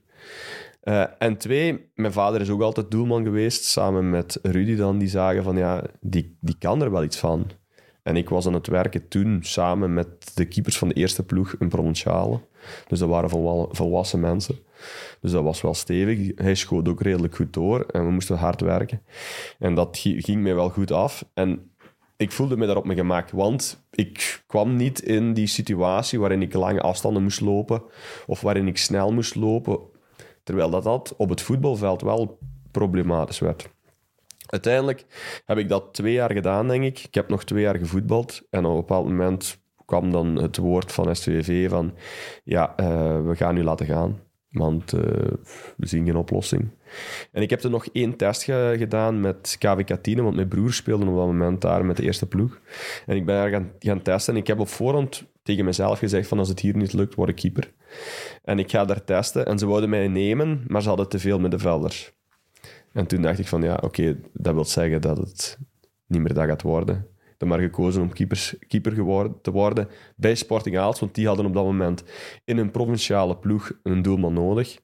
En daar heb ik één jaar gezeten. En na negen maanden kwam de scout van STVV terug om te vragen of ik niet doelman het jaar daarna wou worden met die ploeg waar ik speler was. En dat was mentaal niet gemakkelijk als jonge gast, want allee, je moet dan terug in een kleedkamer gaan waar je eigenlijk buiten gesmeten bent Als zijn er niet goed genoeg. als zijnde niet goed genoeg. En je weet op dat moment, 14, 15 jaar, dat is niet echt een leuke leeftijd. Eh, ook naast het veld. en je moet dan eerst afscheid nemen. Dat is dan zeker een bepaalde trots die je ook raakt. Hè, want in school moet je zeggen, ik speel niet meer Eh, bij STVV. weg, ja. Ja, Eh, ik eh, Ik speel Ja, geen nationaal niet meer. Voilà. Ja, maar je weet hoe het werkt. Ja, ja. Absoluut. Eh, en je gaat dan lokaal spelen en dan komen die daar terug staan ja, en vragen van eigenlijk zouden we het willen dat je terugkomt voor in de goal te staan. En daar heb ik dan lang over moeten nadenken. Ik ga eerst eens met Racing Genk praten. nee, nee, dat niet. Eh, maar ja, dan uiteindelijk toch gezegd van ja, je kunt die kansen laten schieten. En, eh, Het goede is, wij, hij vraagt, je weet hoe het werkt. En wij zeggen allebei, ja, ja, ja. Ja. Alsof wij ooit nationaal voetbal Oh, dat was, dat was een harde tijd. Ja, we weten perfect We kunnen het ons inbeelden. We kunnen het ons inbeelden. Maar ik vind dat wel echt een zot verhaal eigenlijk. Ik ook. Dus je zegt- Vooral, Ja, het is ook wel toeval weer. En ja, ja, iemand, inderdaad. Iemand en, die en, het en, zag. en daarin zie je ook hoe een voetbalcarrière kan lopen. Hè, want ja, je moet ongelooflijk veel geluk hebben. En eh, dan ook het feit dat er bij STVV op dat moment terug een keeper nodig is. Ik kom daar dan binnen en ik speel daar anderhalf jaar. Word ik keeper van de onder 18 met de nationale ploeg. Samen met Sinan Bolat was dat. Eh, en ik ga naar de eerste ploeg als derde keeper het jaar daarna. maar dan ben ja, je 18 jaar, dus dat is, je bent vier jaar keeper. Dat is toch Ja, inderdaad. zot? Maar inderdaad. daar in die modder moet je toch al gevoeld hebben dat je daar wel beter in waart dan op het veld. Als Ja, ja absoluut. Ik voelde hebt. dat ik daar talent voor had. Maar, en dat is ook wat je juist aanhaalt, omdat ik nog maar vier jaar keeper was, was voor mij eh, bepaalde spelsituaties heel erg vreemd. Iemand wat doelman was de afgelopen tien jaar, die had daar veel, eh, veel gemakkelijker... En ik heb op korte tijd heel veel dingen moeten leren om me daarin aan te passen. Zeker als je bij de eerste ploeg terechtkomt. Want op dat moment had ik nog maar vijf jaar keeperservaring. En dan kan je wel zeggen van, ja, maar ja, je bent nog jong, je kunt nog veel leren, bla, bla, bla. Maar er waren heel veel spelsituaties die ik op korte tijd moest aanleren en die helemaal anders waren in de visie als dat je op het veld stond. Er zijn natuurlijk ook veel dingen die eh, handig waren, omdat je voetballer ja. waart, om mee te spelen. Maar bijvoorbeeld een voetballer is veel bezig met de bal in zijn voet. En 80% van de pasen die je moet geven, zijn kort. En je zit kort bezig. Maar als je in de goal staat, moet je eigenlijk in eerste instantie kijken wat de optie ver is, voordat je de optie kort hebt, want anders zit je altijd in de problemen. Ja. Dus dat zijn zo van die dingen, ja. Eh, En jullie moeten verder denken in het spel Juist, wat kan gebeuren eigenlijk. juist. En dat was op het begin een grote aanpassing. hè. De beul. Ik wil nog, nog één ding weten. Die man, ja, maar die man zegt in de krant, eh, eh, bij een bepaalde springoefening, als hij er niet over geraakte, dan sloeg ik op zijn enkels. Ja, hij had, maar hij had, hij had een stok, hij had een stok. En ja, dat is zo'n stok die rondging. En dus hij draaide rond zijn as. En elke keer als hij rond zijn as ging, moest hij erover springen. Ja, hij, hij, hij kan kiezen hoe hoog die stok ging. En dat was altijd een beetje hoger. En als hij dan zag van, ja, na twintig keren springen, dat ik het moeilijker had, ja, dan ging die stok niet lager. Maar dan ging die stok hoger. En dan was er een andere oefening, moesten we over de, de, de baren, zeiden ze, dat zo langs het veld, zo de afrastering. Oh, Van de, van het hoogste van het veld naar beneden en terug. Oh, Wederzijds overspringen. Dat zijn ze van die oldschool oefeningen, nu gaan ze dat niet meer doen. Maar ja, dat zorgt ervoor dat eh, Hard. ja, de hardheid Wel. er wel in kwam. Ja. Als tiener. Inderdaad. Maar ik heb wel het gevoel dat jij iemand zet die dat kan hebben. Ah, wel ja, maar dat heeft mij vooral ook getriggerd om in mijn carrière ook altijd hard te werken. Ja. En dat heeft mede gevormd, niet de keeper die ik geworden ben, maar mede gevormd van de werkethiek die ik mij wel elke dag eh, zelf opdwing. Ja, maar eh, dat hoorde wel vaak. En Luc Nelis bijvoorbeeld is daar ook een voorbeeld van, hè, die met zijn vader enorm hard trainde, links, rechts. Eh, ja, je hoort dat vaak. Vaak bij keepers. Michel Predom was ook een ziek trainingsbeest. Hè. Die, allee, die man die was zoveel aan het trainen dat de rest van de ploeg al in de sauna lag. Eh, je hebt ook een omgekeerde Brecht de Jager gedaan. Brecht de Jager was doelman tot Ah, zijn oké. 15, 16 en is dan veldspeler geworden. Ja. Dus dat kan ook. Hij moet altijd een nutteloos weetje erin bij Mijn deze. job zit er nu op. Ik wist Eh, het Gaan we niet. trekken, Sam? Nee, maar op je 18 in de eerste ploeg van Sint-Truiden komen dan, hoe, was dat? Nee, ja, was ik het gevoel- derde keeper. Hè. Ik ben pas Ja, maar ja, eh, bij de Trainen wel. Ja, absoluut. Ja. Dus heb je dan het gevoel, bon, dat lukt hier eigenlijk wel. Nee, zeker niet. Eh, ik, eigenlijk ben ik pas profvoetballer geworden toen ik bij Sunderland aankwam. Of had ik het gevoel dat ik profvoetballer voor mijn hele carrière ging zijn. Oké. Want bij SCV zat ik nog op school. Want ik, ik ging eh, de dinsdag en de donderdag voormiddag trainen. Dus dan moest ik uit de middelbare school. Voor daarna dan terug te rijden naar school. Daarna dan nog naar Leuven gegaan. De eerste twee jaren in Leuven gemaakt op en af te rijden. En we speelden bij SCV op dat moment in tweede klasse. Dus dan heb je niet het gevoel van, ja, ik ga hier eh, heel mijn leven eh, profvoetballer zijn. Wie was uw waar. concurrent toen eigenlijk bij Sint-Truiden? Ehm, toen ik aankwam was dat Dusan Belic eh, en Frank Boeks. Daarna is het dan Bart Teelkes en Frank Boeks geweest. En dan ben ik doorgeschoven als tweede doelman samen met Frank. Hoe, is eigenlijk zo'n concurrentiestrijd tussen doelmannen? Want dat is helemaal anders dan op andere posities Ja, maar in op het die veld. moment is dat heel erg anders dan dat het nu is. Hè. Ik was 18 jaar, snotaap, dus eh Dusan Belic was 38 of zoiets. Dus, eh, Bart was ook al redelijk oud. Maar ze geloofden wel in u. Ehm, ja, maar ja, dan moet je je wij- eigen weg vinden. En ehm, ja, ik zeg het, ik ben pas... Ik ben mijn debuut gemaakt toen ik 19 was. En ik ben vast in het elftal gekomen toen ik 20 was, denk ik. Dat, wil Dat ik is zelfs ook niet nog zeggen. jong. Want op een gegeven moment pakt de Snotap wel de plaats van iemand als Frank Boeks af. Eh, ja, En je staat inderdaad, elke dag samen te inderdaad, trainen. Inderdaad, dus dat is niet leuk voor de persoonlijke relatie. Maar allee, ik ben ook niet echt iemand die een moeilijke mens is. En ik denk dat in al mijn ehm, concurrentiestrijden die ik gehad heb, nooit echt in de clinch gelegen heb met, eh, met, de, met een andere doelman. Hm. Maar ik bedoel dat, is ook- nooit, dat is nooit zijn fout of nooit mijn fout. Nee, en allee, zo'n Frank Boeks, geeft hij dan tips en tricks? Of ziet u wel altijd als een concurrent? Dat durf ik niet meer zeggen. Nee. Leeftijdsverschil is ook niet groot tussen jou en Frank. Voilà, het was Nee, maar twee jaar verschil. Het dat is maar twee jaar verschil. Dus ja, dat was ook niet dat hij zoveel meer ervaring had van, op het hoogste niveau. Ik denk dat die tips veel, veel eerder kwamen van oudere keepers. Net zoals ik dat nu aan die jonge gasten bij Club Brugge geef. Want ja, daar is het verschil wel groot. hè. Want ik had wel een opvallende quote gelezen van Guido Brepoels. Toen hij zei van oké, we gaan met Mignolet toen jullie net gedegradeerd waren, maar je moest kampioen worden in tweede klasse. We gaan het met Simon doen als eerste keeper. Dat er spelers eh, naar hem zouden zijn gekomen. Ja, met Simon gaat dat niet lukken, kampioen worden. Dat vind ik wel straf. Dat was eerder toen we van eerste klasse naar tweede klasse zakten. Ja. Ehm, omdat ja, in, in dat eerste jaar ik te veel doelpunten. Maar Want dat is ook de reden waarom dat je degradeert uiteindelijk. ja, maar ja, En, eh, en, en dat was ook nog natuurlijk voor mij een harde leerschool. Hè? Want eh, ik was eh 19 jaar bij STVV. De helft van het publiek dat daar in de tribune zit, zijn ofwel vriend of fam- familie. Eh, krijgt dus elke dag, als je de wedstrijd gespeeld hebt gehad, zondag ging je eten oh, oh, eh, bij de Bomma. Eh, en het enige wat je hoorde was STVV. En dat was van, ja, gisteren weer verloren. Dus dat was niet enkel alleen op het veld, maar naast het veld ook een grote druk. Voor een jonge doelman hè, en in die positie is dat niet zo eenvoudig om daarmee om te gaan. Eh, en dan gaat je ook automatisch niet de gemakkelijkste situatie hebben om je te, eh, te ontwikkelen. Ehm, dan moet je degraderen en je bent daar mede verantwoordelijk voor. En om dan eh, in tweede klasse in één jaar terug te stijgen, is niet zo eenvoudig. Dus je begrijpt dat wel, dat er twijfel was bij de oudere spelers. Ja, logisch. Logisch, want die willen ook terug naar eerste klasse. Want zeker bij STVV, die oudere mannen, eh, ja, daar gaat het ook over eh, eh, hun werk. Hè.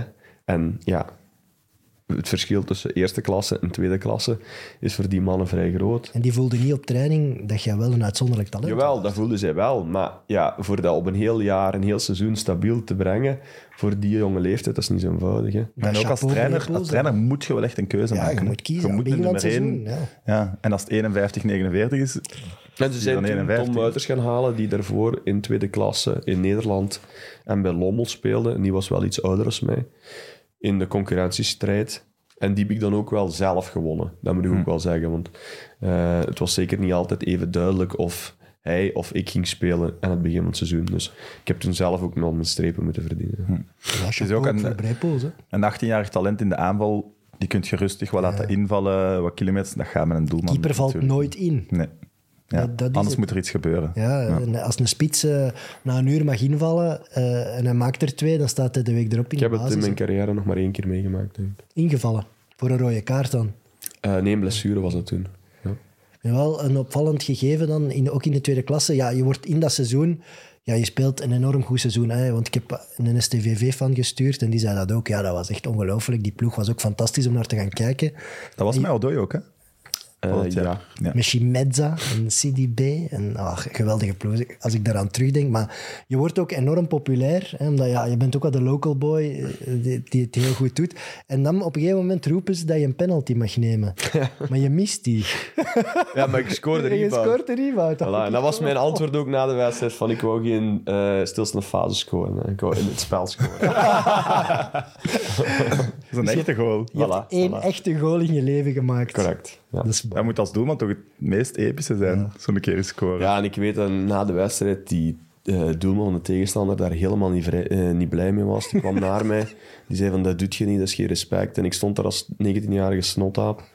Ik zei, oei, ik zeg, wat heb ik hier nu gedaan? Snap je Ja. wat hij bedoelt? Zou Ja, dan- ik begrijp dat wel ergens, maar op die moment hield ik daar geen rekening mee. Ik Nee, stond, nee. Dat was in Ronse. Dus ja, en je moet het stadion in Ronse kennen. Dat is tussen aanhalingstekens ook een beetje zoals in de provinciale reeksen. Met achter de goal en langs de zijkant van het veld staan tribunes. En dat stond vol met STV-supporters. Want wij gingen daar de titel, of wij, gingen, we waren voor de titel aan het strijden. Dus ik denk dat de STV-supporters daar met, met 400, 500 man met een naam zitten te roepen. Ja, daar zat maar 450 man in de tribune. dus ja, dan kan ik bijna niet anders. Ja, ik is weet toch niet of ik het nu nog zou doen. Gewoon doen, toch? Wat zou je daar zelf van vinden? Moest dat tegen jou gebeuren? Nee, ik zou daar helemaal... Allee, mij zou daar echt niks uitmaken. Het zou mij alleen maar meer kans geven voor het te pakken. Ook weer waar. Eh, in de zomer van 2010 is er dan de interesse van Sunderland. Maar ik las er nu eh, ook van Anderlecht, PSV, Twente en Udinese. ja. En met- Napoli... eh, nee, dat was toen nog niet. Nee, dat, Dat was iets niet. later, denk ik. Maar Ja, heb dat je toen ook- ook met die andere ploegen gesproken? Of? Bij Udinese en PSV wel, ja. Bij PSV ben ik zelfs op het trainingscomplex geweest. Dat was vooral de grote keuze tussen PSV en Sunderland. Omdat eh, dat financieel en qua project vergelijkbaar was. Udinese had ik wat weet van, van die fabriek daar. Eh, Want eh, dat was eh Watford, Udinese, je weet hoe dat gaat. Ja. En ehm, om daar als jonge gast heen te gaan... Johan Wallem is toen bij mij thuis geweest. Met het verhaal dat de voorzitter hem gezegd had van... Je moet zorgen dat hij de speler gaat halen voor mij. Maar ik had daar nooit echt een persoonlijk gevoel mee. Dat voelde niet goed. PSV had ik wel een heel erg goed gevoel. Ik ben naar de Ik vond wedstrijd dat ook eigenlijk bij je passen, precies, PSV. Ah en dat was de makkelijkste keuze geweest. Ja. Eh, ik ging daarheen als nummer één. Eh, dat was op een uur van mijn ouderlijk huis. Ik kon mijn studies vervolgen. En dat was de tussenstap geweest, de ideale tussenstap geweest. Dat was eigenlijk de gemakkelijkste keuze. Maar op dat moment was ik gek van de Premier League. Ik wou weten wat de Premier League was. Naar Sunderland ging als tweede doelman achter Craig Gordon, die voor 10 miljoen pond gehaald was het Op jaar dat moment de duurste doelman, denk ik. Op dat moment de duurste doelman ooit. Dus dat was zeker niet de gemakkelijkste keuze. Maar ja, toen ik die keuzes aan het afwegen was, wou ik... Allee, was het zo van, stel je voor dat je nu naar PSV gaat. En ja, daarna krijg je nooit meer de kans om naar de Premier League te gaan. En ik wou later, na mijn carrière, niet het gevoel hebben van, ik heb er iets laten liggen. Dus ik heb het hoogst gegrepen. Achteraf gezien, in mijn carrière, zou PSV de betere keuze geweest zijn. Ja? Vooral gewoon omdat je die tussenstap maakt. En ik heb dat pas gerealiseerd nu dat ik terug naar Club Brugge kwam. En dat had dan te maken met de stap van Sunderland naar Liverpool. Ehm, toen ik bij Liverpool aankwam, had ik nog niets anders dan degradatievoetbal meegemaakt. Ah, zo. En nu bij Club Brugge, met het managen van de wedstrijd, eigenlijk 80% van de wedstrijd geen bal te verwerken. Ehm, was het handiger geweest, moest ik dat gehad hebben vooraleer ik bij Liverpool aankwam. Snap ik.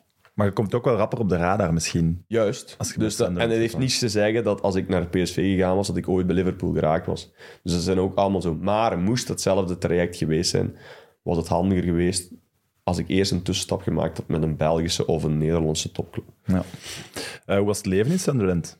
Speciaal. Ja, ik denk dat je nu mooier woont. Ja, absoluut. Ja. maar ja, op die moment, in, in, in die moment van je leven houd je daar eigenlijk geen rekening mee. Ik ging naar daar, Jasmin studeerde nog, ik studeerde nog.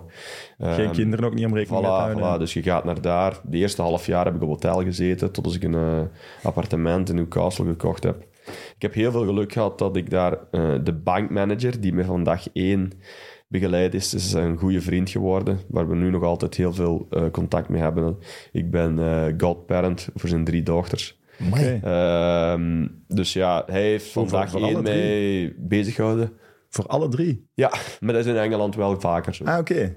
Ja. Maar nog nooit gehoord. En dan Boudewijn Zende was daar, dus die sprak Nederlands. Die heeft me dan ook eh, wegwijs gebracht. Eh, en ja, naast het veld is dat een speciaal, speciaal leven natuurlijk, hè, in het noorden van Engeland. Maar ik was alleen maar bij voetbal bezig. Eh, dat, dat, daar kon ik alleen maar met een tijd naartoe gaan op dat vlak, want ik was daar alleen. Ehm, Ja, en anders ging het toch niet lukken, denk ik. Nee, dat het wel alles van u Inderdaad. gevraagd heeft om, daar dan die stap te zetten. Ja, ik ken, het, ik ken Sunderland alleen van de, van de televisiereeks. Heerlijke docu, toch? Ja, Ja. fantastisch. Daar krijg je ook wel een inkijk in, in Noord-Engeland. Allee, En dat was effect, dat is effectief zo, hè? want als je daar de wedstrijd won, dan was daar heel de week feest in die stad. Je kon gaan waar je wou. Bij wijze van spreken moest je nergens niet betalen, maar als je de wedstrijd verloor, ja, dat was, dat was een depressie. Hè? want het is ook wel een sleeping giant. Hè. Als je het stadion en zo ziet, hè, dat is wel echt een grote club. Hè. Ja, absoluut. Eh, en ja, dat was ook vol een bak, vol huis, altijd. Heel veel sfeer. Die stad leefde daarop. Ehm, en dat is spijtig genoeg eh, misgelopen. Ja, maar ze zijn, ze zijn Ze stilletjes zijn terug aan op de terugweg, ja. Laat ons hopen, inderdaad. Je zei man van de match bij uw debuutmatch, Ja. geloof ik, tegen Birmingham. Ook de matchen nadien een aantal keer de nul Maar ja, dit verhaal, vooral in eerste instantie, hoe ik, hoe ik tussen de palen kwam, is, is heel bizar. Hè? Want ja, ik Ja. kwam aan met het idee om tweede doelman te worden. Craig Gordon had het jaar daarvoor zijn arm gebroken gehad. En de, de eerste drie of vier weken van de voorbereiding was hij er niet. En ik herinner me nog heel goed, zoals, zoals gisteren eigenlijk gebeurd was. Ehm, die komt op training en... ehm, ja, je weet dat zo, als de doelman terugkomt, die trainen zo individueel wat met de keeper trainen. En we doen een oefening voor de bal gewoon een opwarming te pakken. En de keeperstrainer gooit de bal zijdelings. En die gooit de eerste bal rechts. En die gooit die bal terug en die staat op en die gaat naar links. En die pakt die bal, die gooit die bal terug en die staat op. En ineens begint die keihard te roepen. En ja, we wisten totaal niet wat er gebeurd was. Had hij zijn, zijn pols opnieuw gebroken. Twee weken voor het begin van de competitie. Ja, dan stond ik daar ja, en er was niemand anders. en eh, ik, Geen kon het, meer. ik kon het oplossen. en ja, van de ene dag op de andere stond ik in de Premier League. En dan heb ik zeven of acht matchen gespeeld gehad. Waarvan vier keer de nul gehouden. Ja. En niet nu eh, debuutmatch waar je man van de match werd. Dus Absoluut. eigenlijk toch... En heel erg goed begonnen. Heel goed. Eh, direct ook. Ik, heb, ik herinner me een wedstrijd tegen Manchester City waar ik een bal pak van Adebayor, van heel kort bij. Ehm, ja, en dan zit je vertrokken. En dan krijg je een beetje vertrouwen van het publiek. Je geeft een goede indruk. De coach eh, ziet dat er potentie en potentieel in zit. Ze zagen dan ook naast het veld dat ik iemand was die hard werkte en die een goede ingesteldheid had. Ehm Craig komt dan wel terug. Ja, Craig was zo'n entiteit met, met het geld dat ze voor hem gespendeerd hadden, dat hij terug in de ploeg kwam. Maar je zag dat die jongen aan- op de sukkel was met zijn blessures en dat bleef niet duren. En van de een of andere dag op lange termijn stond ik tussen de palen en was ik eerste doelman. Maar was je dan in de Premier League ook meteen een, een leidinggevende doelman? Want dat lijkt me wel moeilijk Nee, van Sint-Truiden rechtstreeks ze gaan ook eens lachen als je daar... eh, Voilà, voilà, voilà. Dus, Ja, als keeper moet je dat toch altijd Nee, nee, zijn. dat, Ja. wil niet, dat wil niet zeggen dat ik niet van dag één eh, de informatie gaf en coachte. Maar ja, ik denk dat de, de, het bericht, als ik nu communiceer, iets makkelijker binnenkomt dan dat toen, kwam, toen was. Dat lijkt mij ook. Je hebt ooit wel je neus, oogkas en jukbeen gebroken. Hoe is dat gebeurd? Dat was mijn ble- zwaarste blessure tot nu toe. Ehm, een corner. En eh, ik kom voor die corner weg te boksen. En eh, dus de bal komt in en ik bok zo.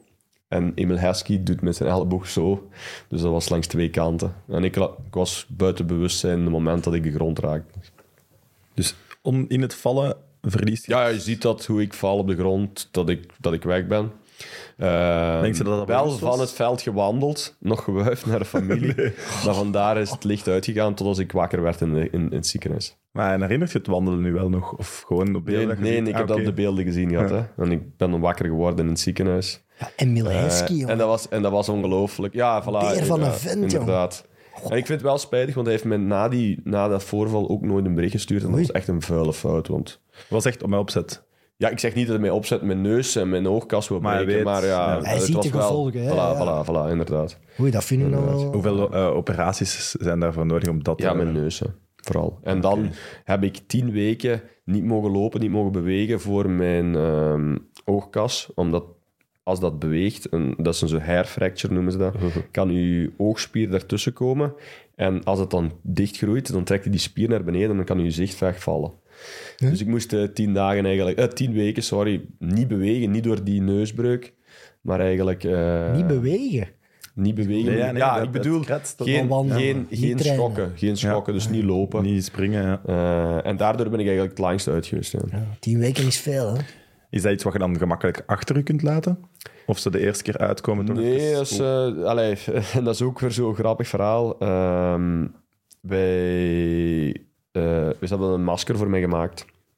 En daarvoor had ik een crickethelm om effectief die schokken op te vangen van de oogkasbreuk. Dat als die bal er nog tegen komt, dat er niet direct de impact was. En daarna was het dan een masker voor mijn neus en mijn oogkas. Eh, en ik eh, heb dat masker, eh, ik ga dat in Londen laten maken. En ik train twee dagen. En toen was het... ehm, eh, nieuwjaarsavond. Eh, mijn ouders zijn thuis, of de familie is thuis in elk geval. En we zitten aan de tafel. En het idee was dat ik niet eens in de squad zit. Eh, dus er waren twee doelmannen. Kierman Westwood was dat toen en Trevor Carson. En eh, ik had twee dagen getraind met Martin O'Neill. Want Martin had mij toen nog niet zien spelen als voetballer. Omdat eh, ja, ik was geblesseerd. En die was nieuw. En ehm, ik zit thuis aan de tafel te eten aan de gourmet. Terwijl ik ineens telefoon krijg. Kieran Westwood valt ziek. Eh, en die kon niet spelen. En ze zeiden van, ja, je gaat naar het, eh, naar, het- hotel moeten komen, want we hebben morgen een tweede doelman nodig. Dus ja, oké, geen probleem. Ik rijd naar het hotel, ik slaap daar. Niet in de veronderstelling dat ik moest spelen. En eh, s s'avonds wordt er op mijn deur geklopt in de hotelkamer en ze zeiden van ja, de, de, de, de manager wants to speak with you. Oké, ik ga naar daar. dus ik dacht van ja, die gaat een beetje beginnen te babbelen van hoe het met me is en zo, want ik heb nog maar twee dagen getraind. En die vraagt, ja, kunt jij spelen?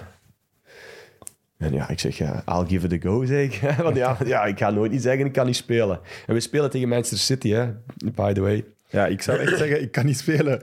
En we hebben die wedstrijd toen 1-0 gewonnen. Met een, een doelpunt van Ji Dong Wong in de laatste minuut.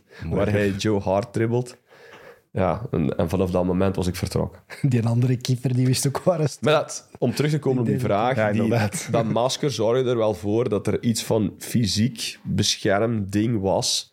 Wat een mentale geruststelling was. Dat je beschermd voelde voilà, ook, voilà. ja. En dat heb ik lang gedragen. Veel langer dan ik eigenlijk moest dragen. Om, eh, om mij vooral gewoon Ja, dat rustig te ik. voelen. Ja, dat begrijp ik ook. eh, Met zo'n zware blessure. Oh, Maar en hindert het niet, zo'n masker? Ja, dat was niet leuk, maar dat weegde niet op Nee. tegen de geruststelling die ik had. Ja. Nee, dat klopt. Eh, heb je ooit contact gehad met Sir Alex Ferguson? Want ik heb gelezen dat hij wat twijfelde om u naar Man United te Ja, maar persoonlijk contact heb ik toch niet met hem gehad. Nee. Ja, buiten de wedstrijden die je dan bij hem gespeeld hebt, ge- tegen hem gespeeld hebt gehad. Maar ja, dat ging niet verder dan eh, eh, eh, een handshake. het is niet dat hij op dat moment al zei, oh, great goalie. Nee, nee, nee. nee. Want dat staat wel nadrukkelijk in de pers, hè, dat zij ook wel... Ja, maar op het moment dat ik van waren. Sunderland naar Arsenal en Liverpool ging, Chelsea voilà, was, ja. er, wa- was er wel veel interesse. Hè. Maar in Engeland wordt er dan ook veel gezegd en geschreven. En wat er dan uiteindelijk concreet is, ja, dan niet, zijn er toch twee verschillende dingen. Op dat moment, toen ik de keuze moest maken na Sunderland, was vooral Napoli en Liverpool die het meest concreet Oké. Met Napoli ook trainingscomplex bezocht? Of Mijn makelaars, ik Ah, ja, niet. Eh, omdat dat ja, fysisch moeilijk was in het seizoen om daar naartoe te gaan.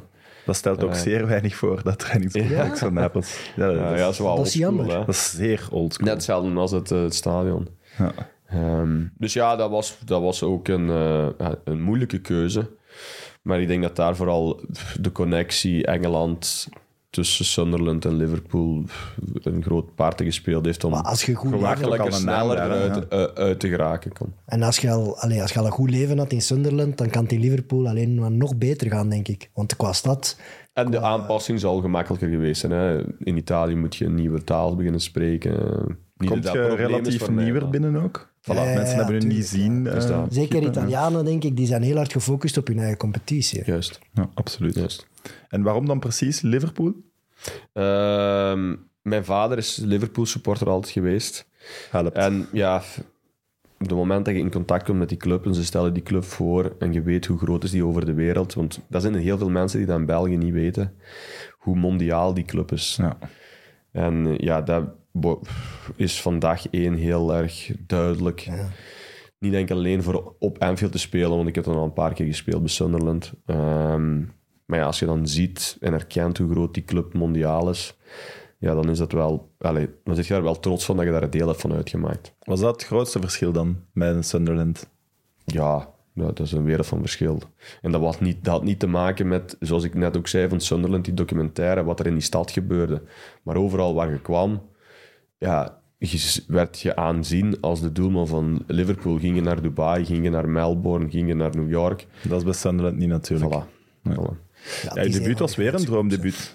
Ja, inderdaad. Ja, dat, eh, was Penalty het- pakken het- en man van de match. Het droomdebuut, ja. Beter kun je het niet omschrijven als doelman. Hè? Want ja, een spits kun je nog wel zeggen op zijn debuut kan een doelpunt maken, de, de winnende, winnende treffer scoren. Maar ja, als doelman kun je niet zo vaak een effect hebben op het eindresultaat dan dat het in die wedstrijd was. Ja. Maar die fans meteen gek dan, vermoed ik. Ja, want ik herinner me dan nog, Glenn Johnson en eh, Daniel Ager en Steven Gerrard kwa- kwamen na de wedstrijd allemaal naar mij toe met dezelfde boodschap dat het heel lang geleden was dat er nog zo een sfeer geweest was in het stadion na die wedstrijd. Want dat was de eerste wedstrijd van het seizoen.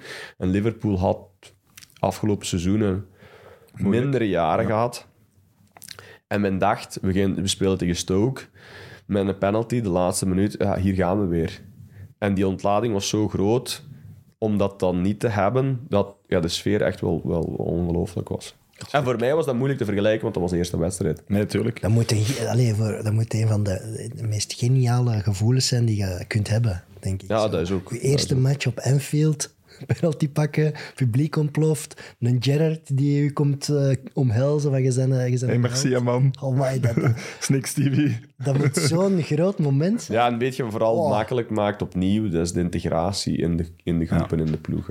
Maar zet Je hebt meteen een visitekaartje afgegeven, natuurlijk. Eh, Ja, ik, ik, allee, zoals ik u nu ken, zeg ik nee, maar je, word je dan euforisch op zo'n moment? Op dat moment neemt adrenaline wel over. Eh, dat was ook wel duidelijk. Eh, Ja, als je dan koelte ook kunt bewaren, zeg je Voilà, nog voilà, Ja. voilà, voilà. Oh man. En Die ik- reactie, dat weet ik nog. Want we hebben die match ook op Play Sports zo gedaan.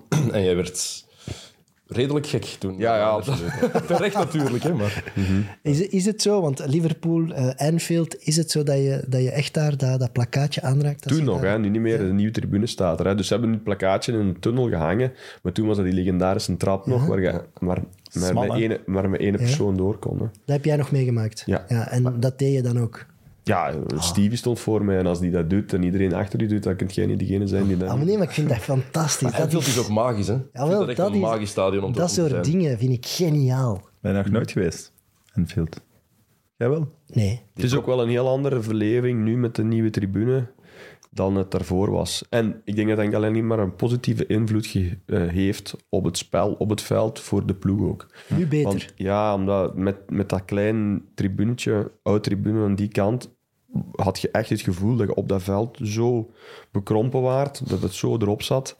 Nu is dat open en hoog en dat geeft wat meer ruimte.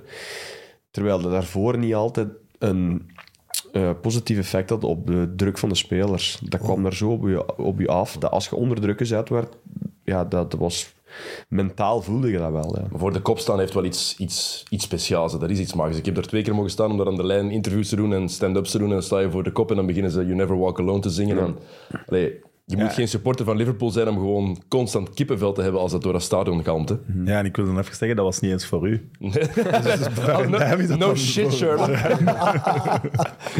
Ja, maar allee, je wordt dat ook wel gewoon. Hè. Na, na een paar wedstrijden is dat, is dat normaal en probeert je je in te leven in de wedstrijd en je voorbereiding te doen. En dan appt dat wel wat weg. Maar ik ben er zeker van, nu de volgende keer dat ik terug ga gaan naar Liverpool, dat je dan... Zeker in de tribune, als je in de tribune staat en je staat tussen de supporters, dan geeft dat nog zoveel meer. Hoe was dat die eerste keer? Toen je voor de eerste keer als Liverpool-speler op Anfield speelde? Weet je wat nog veel specialer was? Dat was de eerste keer dat ik bij Sunderland naar Liverpool ging. Omdat elke uitdoelman, die wordt ook ontvangen zoals de thuisdoelman Dus elke keer als je als uitdoelman naar de kop loopt, dan beginnen die te klappen Ah, ja. en dan bedanken die u. Dus dat is, dat is een van de enige clubs ter wereld. Maar je dat dan van later in binnen? Of Nee, nee, ja, nee, nee dat is echt respect. Dat is echt Ah, respect. Het Eh, voor de doelman, inderdaad. En eh, ik wist dat niet. Ja, mijn- gelukkig, mijn keeperstrainer toen, Nigel Spink, liet me dan net voor de wedstrijd, kwam hij dat in fluisteren. En ja, dat is heel bizar, want als je dan naar dat doelpunt, eh, naar, die doel, naar, eh, naar dat doel loopt, normaal gezien word je uitgefloten en in België krijg je munten en briquets naar je gesmeten. Sorry, Simon. En ineens beginnen die, beginnen die daar allemaal te klappen. En dan krijg je zoiets van, ja, is dat nu sarcastisch of ironisch dat die beginnen te, te klappen? Ja, en ik, ik wist ook niet hoe goed wat doen, maar hij zei van, ja, je moet ze bedanken. Dat is wel mooi. Inderdaad. Eh Match of the Day roept u trouwens in 2013 uit tot beste doelman van de Premier League. Dat was ik toen ik dat las, dat was ik vergeten. Ja, ik heb die Want- trofee thuis nog staan. Ja. Want ik heb wel het gevoel, als je daar achteraf naar kijkt, dat je nooit echt het krediet hebt gehad bij Liverpool dat je eigenlijk zou verdienen. En zo'n prijzen denk ik dat dat wat Ja, het is, bevestigen. Het, is- het is, het is eh, veelzijdig. Hè. Ik denk dat, zoals ik juist al aanhaalde, de eerste paar jaren in Liverpool eh, wisselvallig waren. Het eerste jaar hebben we gestreden tot de laatste speeldagen om die titel te pakken. En dat was wel goed. Maar omdat ik ook juist aanhaalde dat het was handiger geweest, moest ik al voor een club gespeeld hebben die voor de prijzen gestreden had. Dat was zeker dat eerste jaar makkelijk geweest. En mijn aanpassing ook.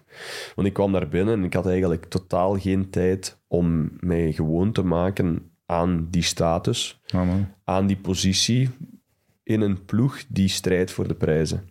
En dat was de eerste jaren vooral moeilijk.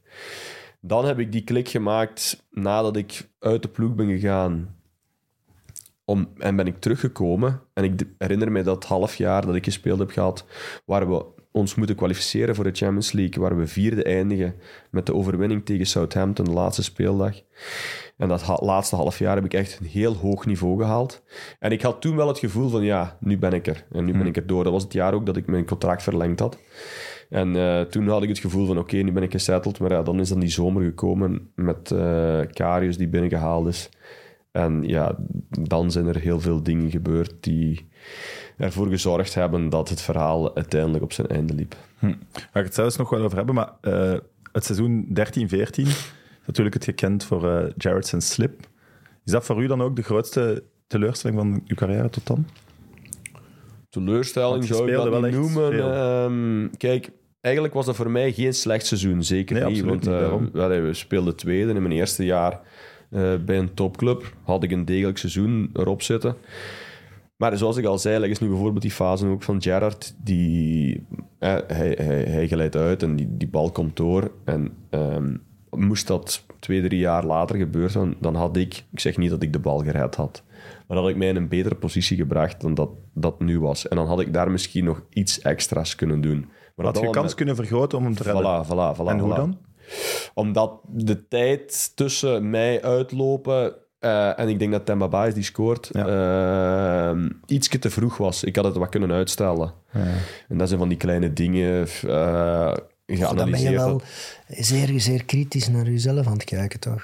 Want ja, ja, zo- Op dat niveau? ja, op dat niveau is dat wel heel belangrijk. Ja, en goal- iedereen gaat kijken ja, naar bij die dat... goal heb ik nooit gedacht... Hey, Ja, maar nee, eh, maar, ja, dat, maar, maar ik, zeg- ik zeg het nog maar heel vaak. Zo, in do- een wedstrijd van een keeper... eh, de, de analisten gaan enkel alleen maar zeggen wanneer er een fout is van een keeper, als het effectief duidelijk de keeper zijn fout is. Hè. Maar bij wijze van spreken, elke, elke goal kan een keeper iets beter Dan denk je wel dat bijvoorbeeld daar een titel je status had vergroot en dat je dan daarna... Dat er niet En dat had meer me iets meer gesetteld. Dat, Ja, dat had me iets dat meer denk ik gesetteld. wel. Voilà. Ja. Dus dat zijn van die kleine dingen. En ik, en ik zeg niet dat dat mijn fout is, maar ik denk nu bijvoorbeeld zou ik meer kans hebben om die bal te pakken dan dat dat toen was. Maar het ligt ook aan de ploeg. Hè. Als je gewoon als ploegkampioen Juist. wordt, profiteert elke speler die op het daarin- veld ja, staat dat, mee. zo- dat is zoals Ja. ik daar straks zei. Ja. Dat moet voor die ploeg ook een super zware mentale klap zijn geweest. Die wachten zo lang op een Premier League. Ja, ja, inderdaad. En dat voelde ik ook wel, dat, dat, dat hing op de schouders ook van de spelers en in de, eh, in de tribune ook, met de supporters. Het was, was veel druk van buitenaf, omdat de, de, de, de club zo groot was. En dan net Gerrard ook die uitglijdt. Van Dat is- alle spelers dat net die speler is. En dat is ook spijtig voor hem natuurlijk. Ja. Want, ja. Maar dat wou ik vragen. Verontschuldigt hij zich dan in de kleedkamer? Of hoe, hoe is de sfeer dan in de ja, maar je kleedkamer? zag aan alles... Allee, we wisten ook wat dat voor hem betekende. Hè. Ja, nee, dat natuurlijk. Maar Ehm, ja, ik vermoed dat hij voor, voor op te rapen is op dat moment. ja, mentaal. inderdaad, inderdaad. En ja, je voelt daarvoor, omdat hij niet enkel alleen zo'n geweldige speler is, maar ook gewoon een geweldig persoon. En je wenst die persoon helemaal andere dingen doen dan dat. Ik denk dat zelfs elke voetbalfan Jared een titel met Ja, Liverpool had gegund. 100 procent. En dat, dat, dat had hij ook verdiend voor zijn Ja, absoluut. En misschien zelfs dat jaar het meeste. Ja, klopt. Ja, die- ja, voilà. En eh, is dat iemand waarmee dat je een heel eh, hechte vriendschapsrelatie kan opbouwen met zo iemand? Of is die... Eh, dat is moeilijker omdat zijn privésituatie dat niet toelaat. Eh, maar... Wat, bedoel je dan? Ja, die, die wordt geleefd door alles en iedereen. Ah, ja. Die kan niet normaal leven, want overal waar die komt, overal waar die buiten komt, eh, wordt die aangeklampt en kan die geen normaal leven leiden. En dat was voor hem ook niet plezant. Als wij bijvoorbeeld een feestje hadden in Londen met de groep, dan ging hij ergens in een hoek staan, zodat niemand hem zag, zodat wij in ieder geval daar geen probleem door hadden. Dus hij cijferde zich op dat vlak ook wel weg. En in zijn privésituatie ook. Allee, die, die, die man die werd geleefd en die moest bij alles wat hij deed twee keer nadenken. Maar ja, voor wat ik hem het meest respecteerde, was vooral de persoon die hij was naast het veld en de gewone mens die hij was in de kleedkamer. Net zoals jij en ik dat, dat zijn.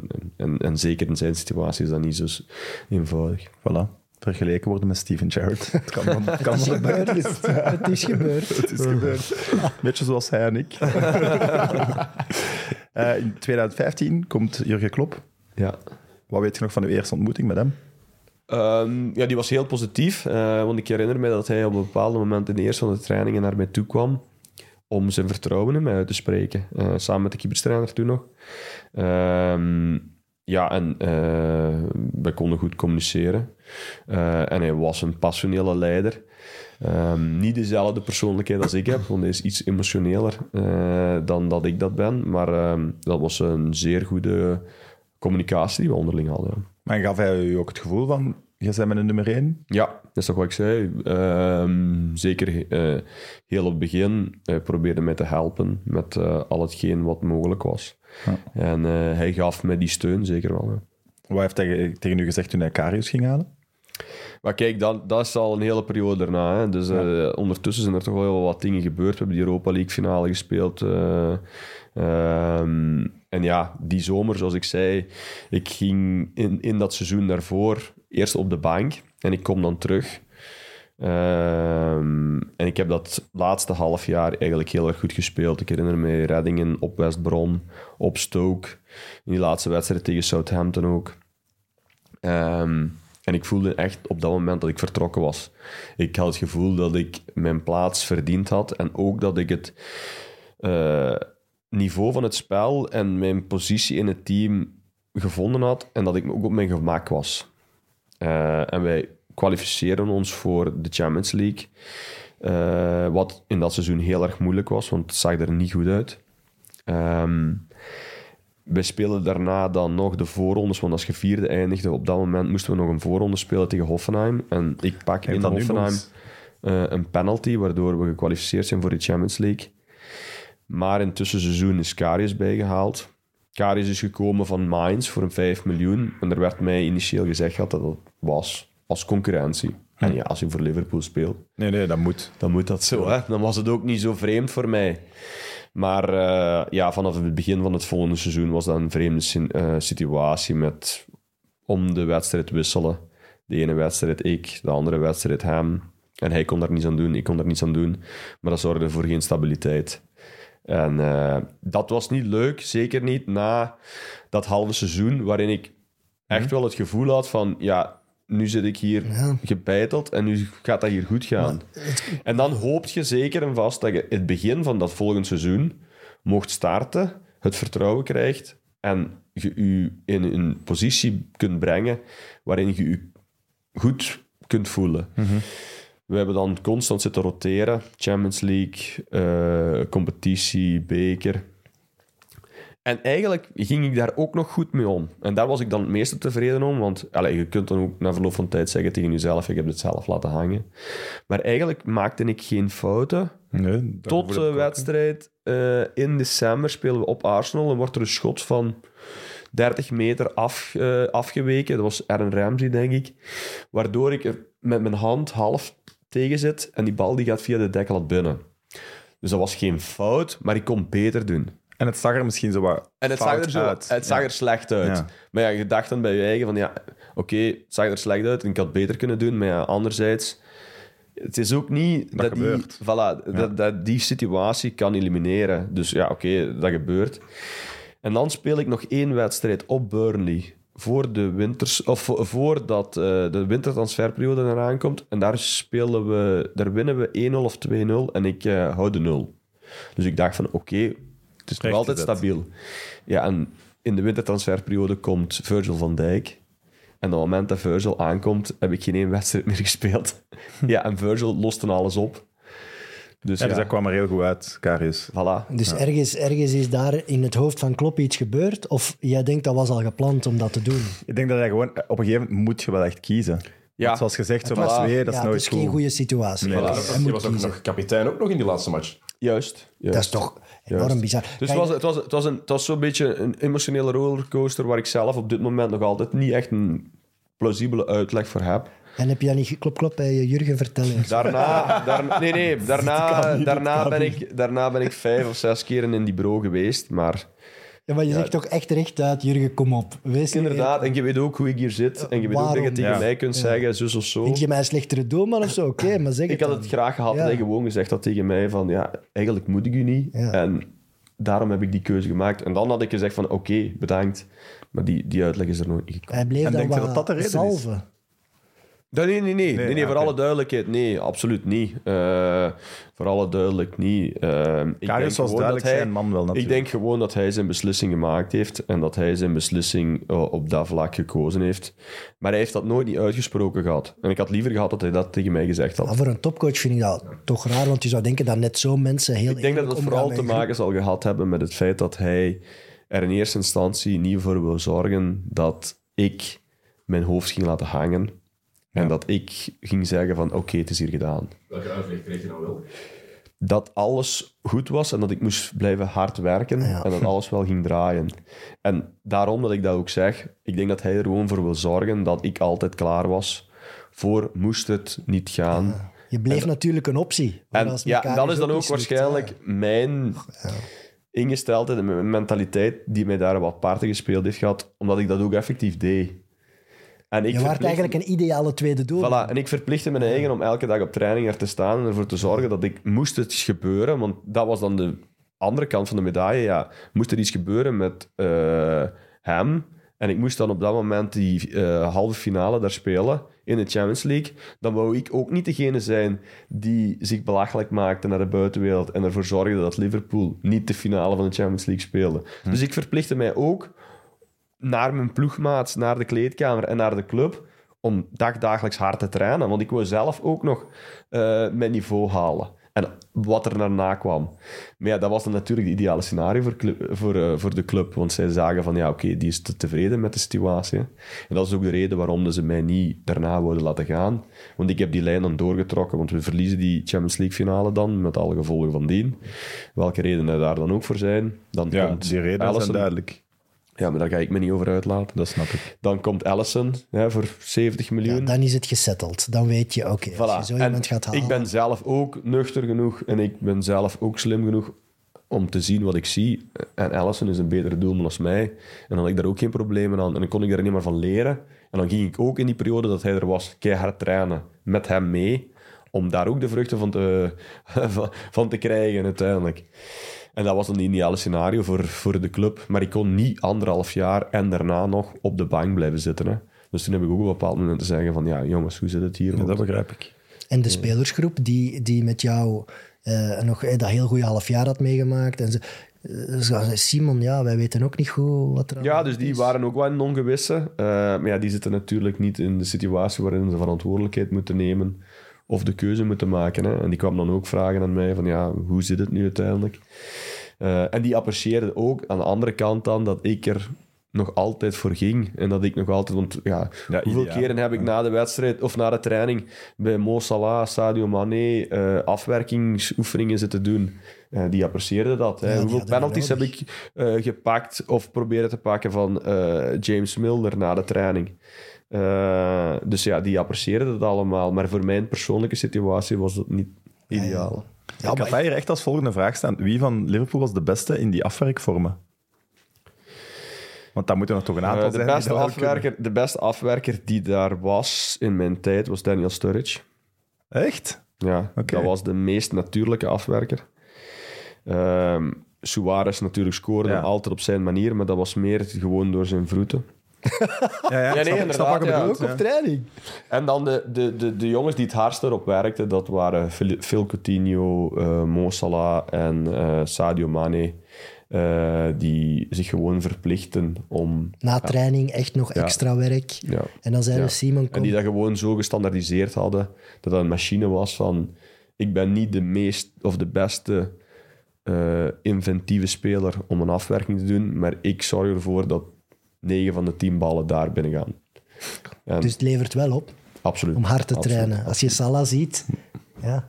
Nee, maar op dat niveau, nog eens, op dat niveau gaat het echt om die percentjes. En dan heb je Al die mensen zijn Maar je gaat ook hebben gehad die niet dat extra werk deden. Balotelli bijvoorbeeld? Bijvoorbeeld, ik. Balotelli, ik wou net Ja. zeggen, Balotelli zijn traptechniek, want ik heb dat ook één keer met hem gedaan, ja, dat, dat was vanuit deze wereld. Hè, want de krachten die hij kon produceren op een bal was ongelooflijk. Maar ja, dat was dan het tegenovergestelde. Die werkte niet graag. Nee. Is dat eigenlijk niet ook een beetje eh kloten voor je zelfvertrouwen?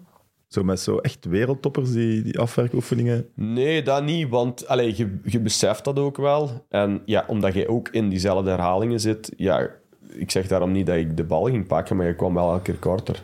Als je ene pakte, was het ook wel... Ik heb die van die gepakt, dat is ook wel een voilà. verschil natuurlijk. voilà. En deden alle keepers dat, die extra afwerkingsoefeningen? Of- Wij hadden ook nog wel vaak wat jonge gasten daar. Hè. Dus ik was niet alleen. hè. Dat was ook niet Nee, maar de, bijvoorbeeld de eerste doelman die ging al naar binnen. Eh, maar Allison is ook iemand die heel erg graag traint hoor. Dus die, die, die deed ook vaak mee. hè.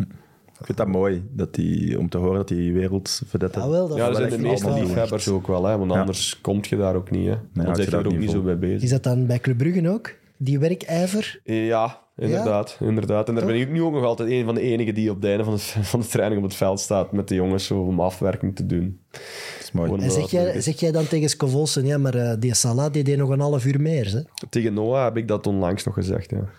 En kan hem dat hebben? Ja, ja, ja. En hij is ook de enige die, die dan ook gaat oppakken en die dan ook die liefhebber is voor dat te blijven doen. hoor. Ja, wat kan je zeggen? Als eh, Mané en Salah beter zijn geworden door het te doen, dan moet Noah Lang het ook doen, denk ik. Want ja, die wil Ja, ook... het is soms moeilijk om in Noah langs zijn hoofd te kijken. Ook, Hij is, ook, hij is ook iemand die daarmee bezig is. Hè, want Noah is gewoon een gast die vaak misbegrepen wordt op de buitenkant. Dat denk een- ik ook, ja. Want ik denk dat daar weinig slecht in zit en dat de perceptie zo Inderdaad. anders is. Inderdaad. Dat is ook wel een voordeel om Simon te hebben dan. Hè.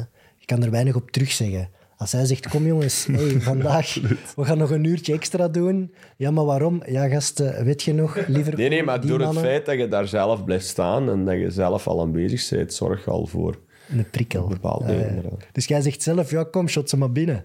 Eh, ja, ik blijf staan en ik zeg van kom, gaan we nog wat afwerking doen. Dat op zich is Ah, dan... cool. Heb je het gevoel dat de Champions League-overwinning van Liverpool ook een van u is? Eh, ik maak er in ieder geval deel uit. Omdat ja, we hebben die Champions League-campagne gekwalificeerd gehad.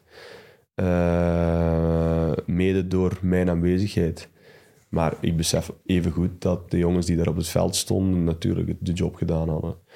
Maar als we dan teruggaan over al die dingen die ik op training gedaan heb...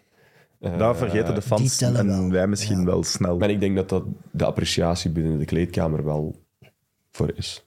Heb je nog eh, veel contact met ex-collega's van Liverpool? Af en toe, ja. Vooral via sociale media. De keeperstrainer hoor ik nog vaak.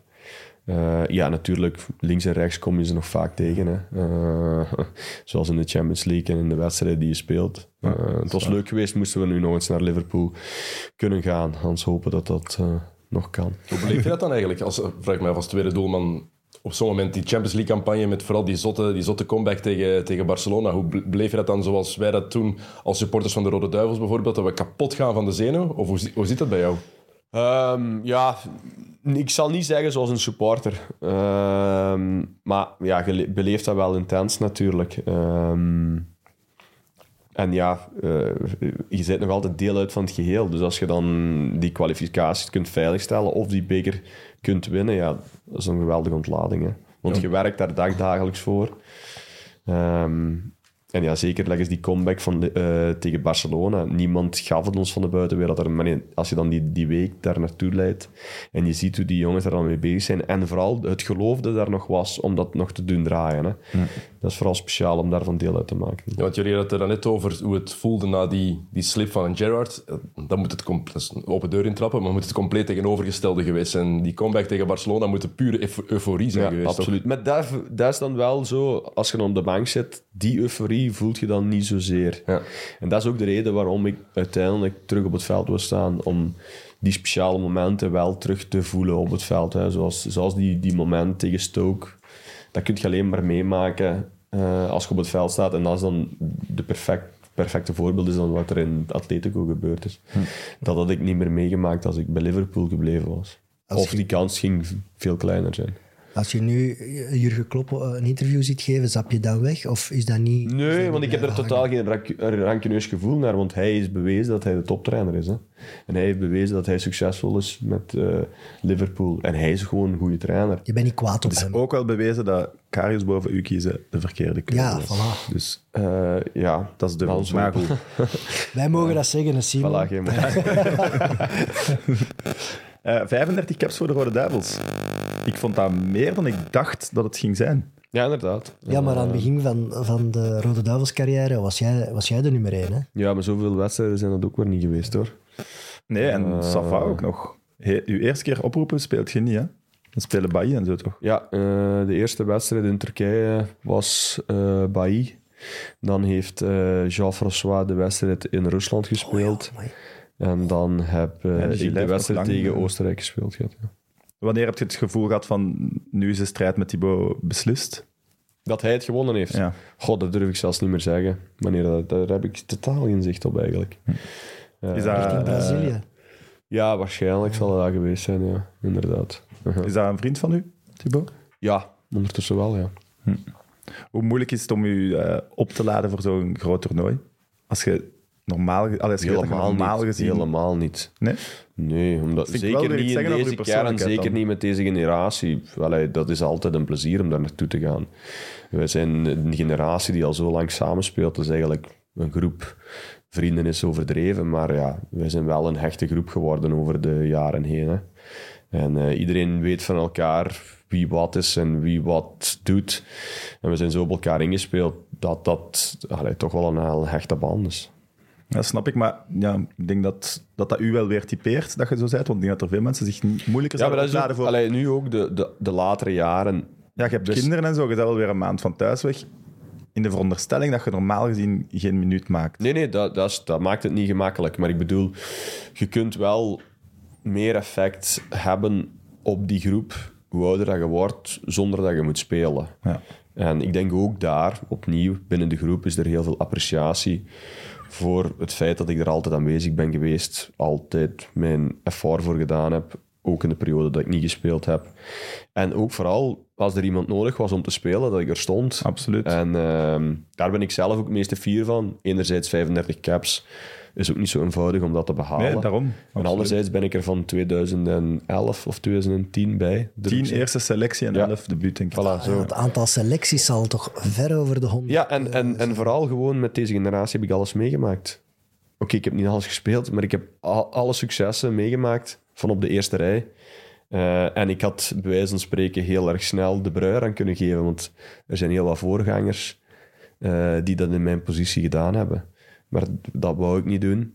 Eh, Nee, ik heb daar ook wel echt een strijd van gemaakt. Ja. Hè? Zoals gezegd, als je Zeker op het begin, als er een de Premier League strijd, ja. en zo, dan... allee. En Thibaut heeft die strijd duidelijk gewonnen met zijn carrière die hij tot op heden behaald heeft. En met recht en zo, niet enkel alleen met zijn clubs, maar ook met de nationale ploeg heeft hij zijn strepen verdiend. En het enige wat ik dan kan doen is ervoor zorgen dat er eh, in eerste instantie een correcte vervanger staat. En in tweede instantie dat hij ook op die toernooien scherp blijft. Het enige wat ik dan jammer vind, en ik denk heel veel Rode Duivels supporters ook voor jou, is dat je bijvoorbeeld die match tegen Engeland op het WK in Rusland, dat je die dan niet... Ja, dat is, spelen. misschien, dat is misschien inderdaad zo dat het spijtig is dat ik op een groot toernooi geen wedstrijd gespeeld heb gehad. Maar is dat niet het karakter van Thibaut ook? Hij laat niks Alles wil liggen, spelen, ja. Ja, dat laat is niet per se Ja, maar ik denk zeker, nu, ik denk zeker nu dat als Thibaut dat nu zo nog mee zou maken, dat hij zeker dat eh, op een andere manier zou bekijken. En dat hij me die wedstrijd wel zou gunnen. Maar het moet ook nog altijd zijn de coach die die, die keuze maakt. Hè. Natuurlijk. Ga je eh, voor altijd beschikbaar zijn voor de Rode Duivels? Ehm, dat is een moeilijke vraag. Dank u, mijn eerste. Eh, eh. Vooral ook er. omdat je zelf, de, zelf aanhaalt. Het zijn verschillende facetten. Eh, enerzijds is het zo dat ik kinderen heb. Ehm, anderzijds is het ook zo dat ik in een positie ben die... Allee, eh, ik ga niet meer de eerste doelman worden van de nationale ploeg. Laat dat duidelijk zijn. Allee, dat moet heel erg moeilijk zijn. In de periode die mij nog rest. En anderzijds is het wel zo dat het weegt op de fysieke... eh, de, de, het fysieke, want ja, je moet tellen, eh, de... ehm, ik zal het hier zien met een vinger. Dat Ik heb het al gezien, hè. Dat is echt zot. Ik dat is Brazilië. ik dat. Dat is Brazilië. Ah. Dit is Rusland. En ja, iedereen weet dat er bij mijn knie gebeurd is in eh, het EK eh, in Portugal. Of tegen Portugal liever. Dus ja, zonder dat je speelt, heeft het wel een zware impact op je carrière. En eh, ja, je kunt dat ook niet blijven doen. Hè, want ehm, je wilt ook vooral gewoon je clubcarrière zo lang mogelijk rekken. En ik word er in maart 35 en ik wil bij Club Brugge toch nog tot 2026 er staan. En dan moet je op bepaalde momenten ook aan jezelf denken. Het EK doe je toch nog? Dat is op zich niet zo ver meer, hè. Nee, dat is op zich niet zo ver meer, maar ja, het komt erop neer van eh, ehm, wat is het belangrijkste op welk moment. En dat, is moet ik nog even bekijken, inderdaad. Ik vind het wel mooi hoe je ermee omgaat en hoe je erover Ja, maar, allee, bedoel, Ja, maar dat, ja. is, dat is voor mij de, de totaalsom, eh, zoals ik u nu leer kennen. Ja, je bent gewoon echt een modelprof die op zich nadenkt bij elke keuze, die Ja, weet en, wat en hij wil. het moet wel overwogen zijn en er moet een juist idee achter zitten. Hè. Eh, en dan moet ik ook met Club Brugge daarover spreken, hoe zij daar, hoe zij daar tegenover Maar staan. ik denk net daarom dat jij wel iemand zal zijn die, die makkelijk een carrière zal hebben op leeftijd. Ik hoop het, ja. Tot nu toe, allee, zeker in deze moment, eh, voel ik me heel erg fit en wil ik zo lang mogelijk doorgaan zoals ik kan. Maar ik heb ook onlangs geweten hoe het was na die knieblessure. En dat is niet zo leuk. Eh, en hoe ouder dat je wordt, wordt de recuperatietijd van zo'n blessure ook langer. En, ehm, Dat hoor ja, ik meer en meer bij die gouden generatie die ouder wordt. Ook gewoon van trainingen herstellen en zo. Dus Maar die dat allemaal is- wel langer. Zo, ja, dat Dan moet, zo, je, dan moet je er ook wel altijd slim zijn en bekijken wat er eh, prioriteit is. En zoiets wat Ruud Vormer gedaan heeft, zou je dat nog doen? Hè, hij, belandt op de bank eh, bij een topploeg, maar gaat nu nog Ja, maar ja, eh, dat heb ik zelf ook meegemaakt bij degradatiestrijd Liverpool. Hè. Dat heb ik ook tegen hem gezegd gehad. Hè. Op een bepaald moment moet je een keuze maken om terug voetballer te worden. Hè. En Ruud heeft de keuze gemaakt om terug voetballer te worden. En ik ben de eerste die er is om hem bij te staan en om hem te steunen. Omdat ik weet wat het is om ergens te zijn, een belangrijk figuur te zijn, maar geen impact niet meer te hebben op het veld. En eh, dan zou ik de keuze die hij gemaakt heeft al veel eerder gedaan hebben. Zeker nu in mijn situatie, omdat ik het al meegemaakt heb. Eerder. Ja, omdat ik het al gezien heb gehad en ik weet wat het mij teruggeeft om op het veld te staan. Dat is veel belangrijker dan andere dingen. Dus vanaf het moment dat Club Brugge een, een nieuwe, jonge, frisse, dure doelman koopt, bel je naar Sint-Truiden. ja, dat hoor ik. Dan. komt scriptisch antwoord. ik, hoop, ik hoop dat zij mij bellen dan. Ik zal het zo zeggen. Ja, je zei het, je wordt in maart 35. Als doelman kun je wel, als het fysiek je toelaat, nog lang doorgaan. Ja. Heb je wel eens gedacht aan na de carrière? Ja, je komt ermee in contact automatisch en je denkt erover na. Eh, Ik heb eh, ook al wat andere richtingen eh, die ik kan instappen. Hè. Ik heb mijn koffiebar en mijn broer is daarmee bezig, dus het ondernemerschap interesseert mij ook wel. Ik heb mijn trainerscursus ook behaald eh, met die befaamde cursus van de nationale ploeg. Dus dat is ook wel handig. Ehm, en nu doe ik ook al een aantal dingen naast het veld hè, met die jonge gasten hier in Brugge. Dus zijn verschillende dingen die ik kan doen later. Maar in eerste instantie moet de focus blijven op fit blijven en ervoor te zorgen dat die carrière zo lang mogelijk gaat. Want corona heeft mij geleerd dat eh, niet voetballen niet plezant is.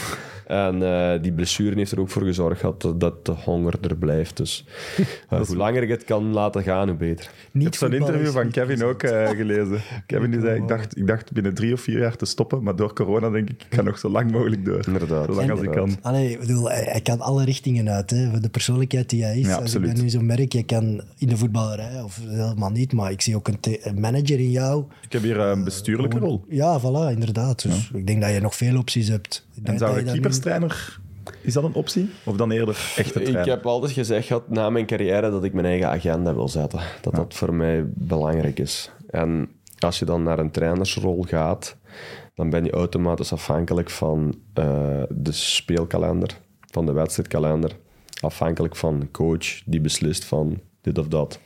En sinds ik ondernemer ben, zie ik ook ja, hoe leuk het is om zelf iets te ontwikkelen en eh, daarmee aan de slag te gaan. Dus in eerste instantie wil ik vooral mijn eigen agenda en mijn eigen baas zijn. Na een hele carrière Ja, ja, dat gaat, eh, afhankelijk eh, te zijn van andere personen. dat gaat bijna twintig jaar. Ja, en ook voor mijn, ook voor mijn omgeving, mijn familie. Eh, mijn vrouw kent al heel haar leven geen weekend. Ja, ja. En eh, ja, dat is ook niet eenvoudig. En op een Nee. bepaald moment moet je ook zeggen van ja, oké, jij hebt u nu weggecijferd. Ik ga nu ook eens aan, aan het gezin denken. Hm. Je zei juist, je hebt een koffiebar waar jullie mooi in spelen op de Gouden Schoen ook. Eh, ik heb gelezen, gouden chocomelk. Ja, dat heb ik hier ook staan. Wat, wat Ja, is ja. dat? Ja, daarom Het was als iets moeilijker om een gouden koffie te maken. dat zou ook een koffie geweest. Wat, die chocomel is echt zo goud. Ja, maar ja, dat is, dat is gemakkelijk. te- En nu wil ik dat wel eens proeven eigenlijk. Waar is Ja, wel, ik dat? juist hetzelfde als die andere chocomelk. Het is in Sint-Truiden, hè? ja, Dus ik wou zeggen, de luisteraars die daar in de buurt zijn, gaat er eens een drinken en een recensie Een schrijven. review. Ja, een allen review daarheen, allen daarheen. allen daarheen. En, en kost die dan 22 euro of 2,2 euro? Dat weet ik zelfs niet. Dat durf ik niet eens zeggen. Dat is voor mijn broer. Het, het plan als ondernemer dan misschien gaat wel verder dan enkel die koffiebar. Of, Maar dat is, dat is het begin. Hè. Eh, dat, zijn, dat is twee dingen. Enerzijds is het heel erg leuk om mijn broer een job te geven die eh, hij graag doet en waarin hij zich kan ontplooien. Eh, dat, daar ben ik meest tevreden over. Anderzijds geeft u dat een beeld over wat het is om mensen en eh, werknemers te begeleiden en wat je kunt doen als je bij iets begint vanaf nul. Hoe je dat moet opwerken. Eh, en je wilt dan naar een bepaalde richting gaan. Ehm, en je ziet dan wat er allemaal voor nodig is, welke obstakels dat je onderweg tegenkomt. En we hebben in onze korte tijd toch al heel wat meegemaakt, want horeca is zeker in België ook niet de meest gemakkelijke Nee, nee. eh, sector. Ik, ik heb het al vaker gezegd, we zitten in België, eh, zowel bij de voetbal als in de horeca, in de twee meest moeilijke sectors die er zijn. En eh, met corona, we hebben dan al een paar keer moeten verhuizen. Ehm, ja, de, dan, het dan, leer je wel wat, leren, hè, ja. dan leer je wel wat het, eh, wat het vak is. En ja, dan weet je ook van, ja, daar is altijd iets nieuws en daar is het nooit gedaan. En dat is interessant. En met Bart Verhagen heb je nu wel een voorzitter waar je wat tips aan kan vragen. Hè? Qua ondernemen dan. hè? Absoluut. Maar ja, dat is natuurlijk op een hoger niveau dan een koffiebar. ik denk dat Bart iets meer gewoon... de koffiebar bedoelt je? Ja, ja. inderdaad, inderdaad. Eh, je had een shirt mee voor ons ook. Ja. We mogen dat weggeven, dat is een speciaal shirt. Ja, dus dat is het eerste shirt eh, wat ik gisteren gedragen heb gehad. Met het speciale eh, logo op eh, van dat ik de Gouden Schoen gewonnen heb. Mooi. In 2022 met rugnummer 22 voor Koffiebar 22 Coffee. Oh, Het is Maakt het alleen maar mooier, gegaan, hè? Wat? Je hebt de koffiebar toch naar je rugnummer? Juist. Ah ja, oké. Juist, al. juist inderdaad. Voilà, we zullen deze week eh, laten weten hoe jullie dat shirt kunnen winnen. Eh, een tip is al om 22 Coffee te volgen op Instagram. Dat gaat er al iets mee te maken hebben. En ons te helpen bij die statistiek om keepers te beoordelen. shirt van vorige week van eh Sisse is gewonnen door Sam Bedeer. Even laten zien. Voilà, die mag ons een bericht sturen op Instagram eh, met zijn adresgegevens en dan sturen we dat shirt zo snel mogelijk op. Eh, dikke merci, Simon, om te komen. Ik vond het echt heel erg leuk. super toffe babbel. De tijd is voorbij gevlogen. Het is weer bijna twee uur. Eh, Amai. ja, dikke merci. Graag. Ik hoop dat je play-off 1 haalt, echt waar. Ja. Ja, De gouden schoen. ik moet iets bekennen. Ik heb met Rick Verrijen op de Gouden Schoenen met een zat een weddenschap gedaan dat ze het niet doen. Dus ik moet Maar voor hoeveel geld? Voor hoeveel geld? Eh, een etentje in de Jane, dus wel voor serieus wat geld. Ja. Hij heeft me daar echt bijgelapt. En we zijn ook Eén week verder, Gent verliest, Brugge wint. Dus worst case scenario is al gebeurd. Sam gaat een weddenschap verliezen. Ik ga weddenschap verliezen. Ah, ik ga samen met Gert naar de Jane dan. Zo'n presentator moet ik dus werken. Hè. Die zit gewoon te wedden tegen onze gasten. Dat is ongelooflijk. Maak er geen geheim van. Ever, Dennis, dikke merci aan de kijkers en luisteraars. Tot volgende week. Bye.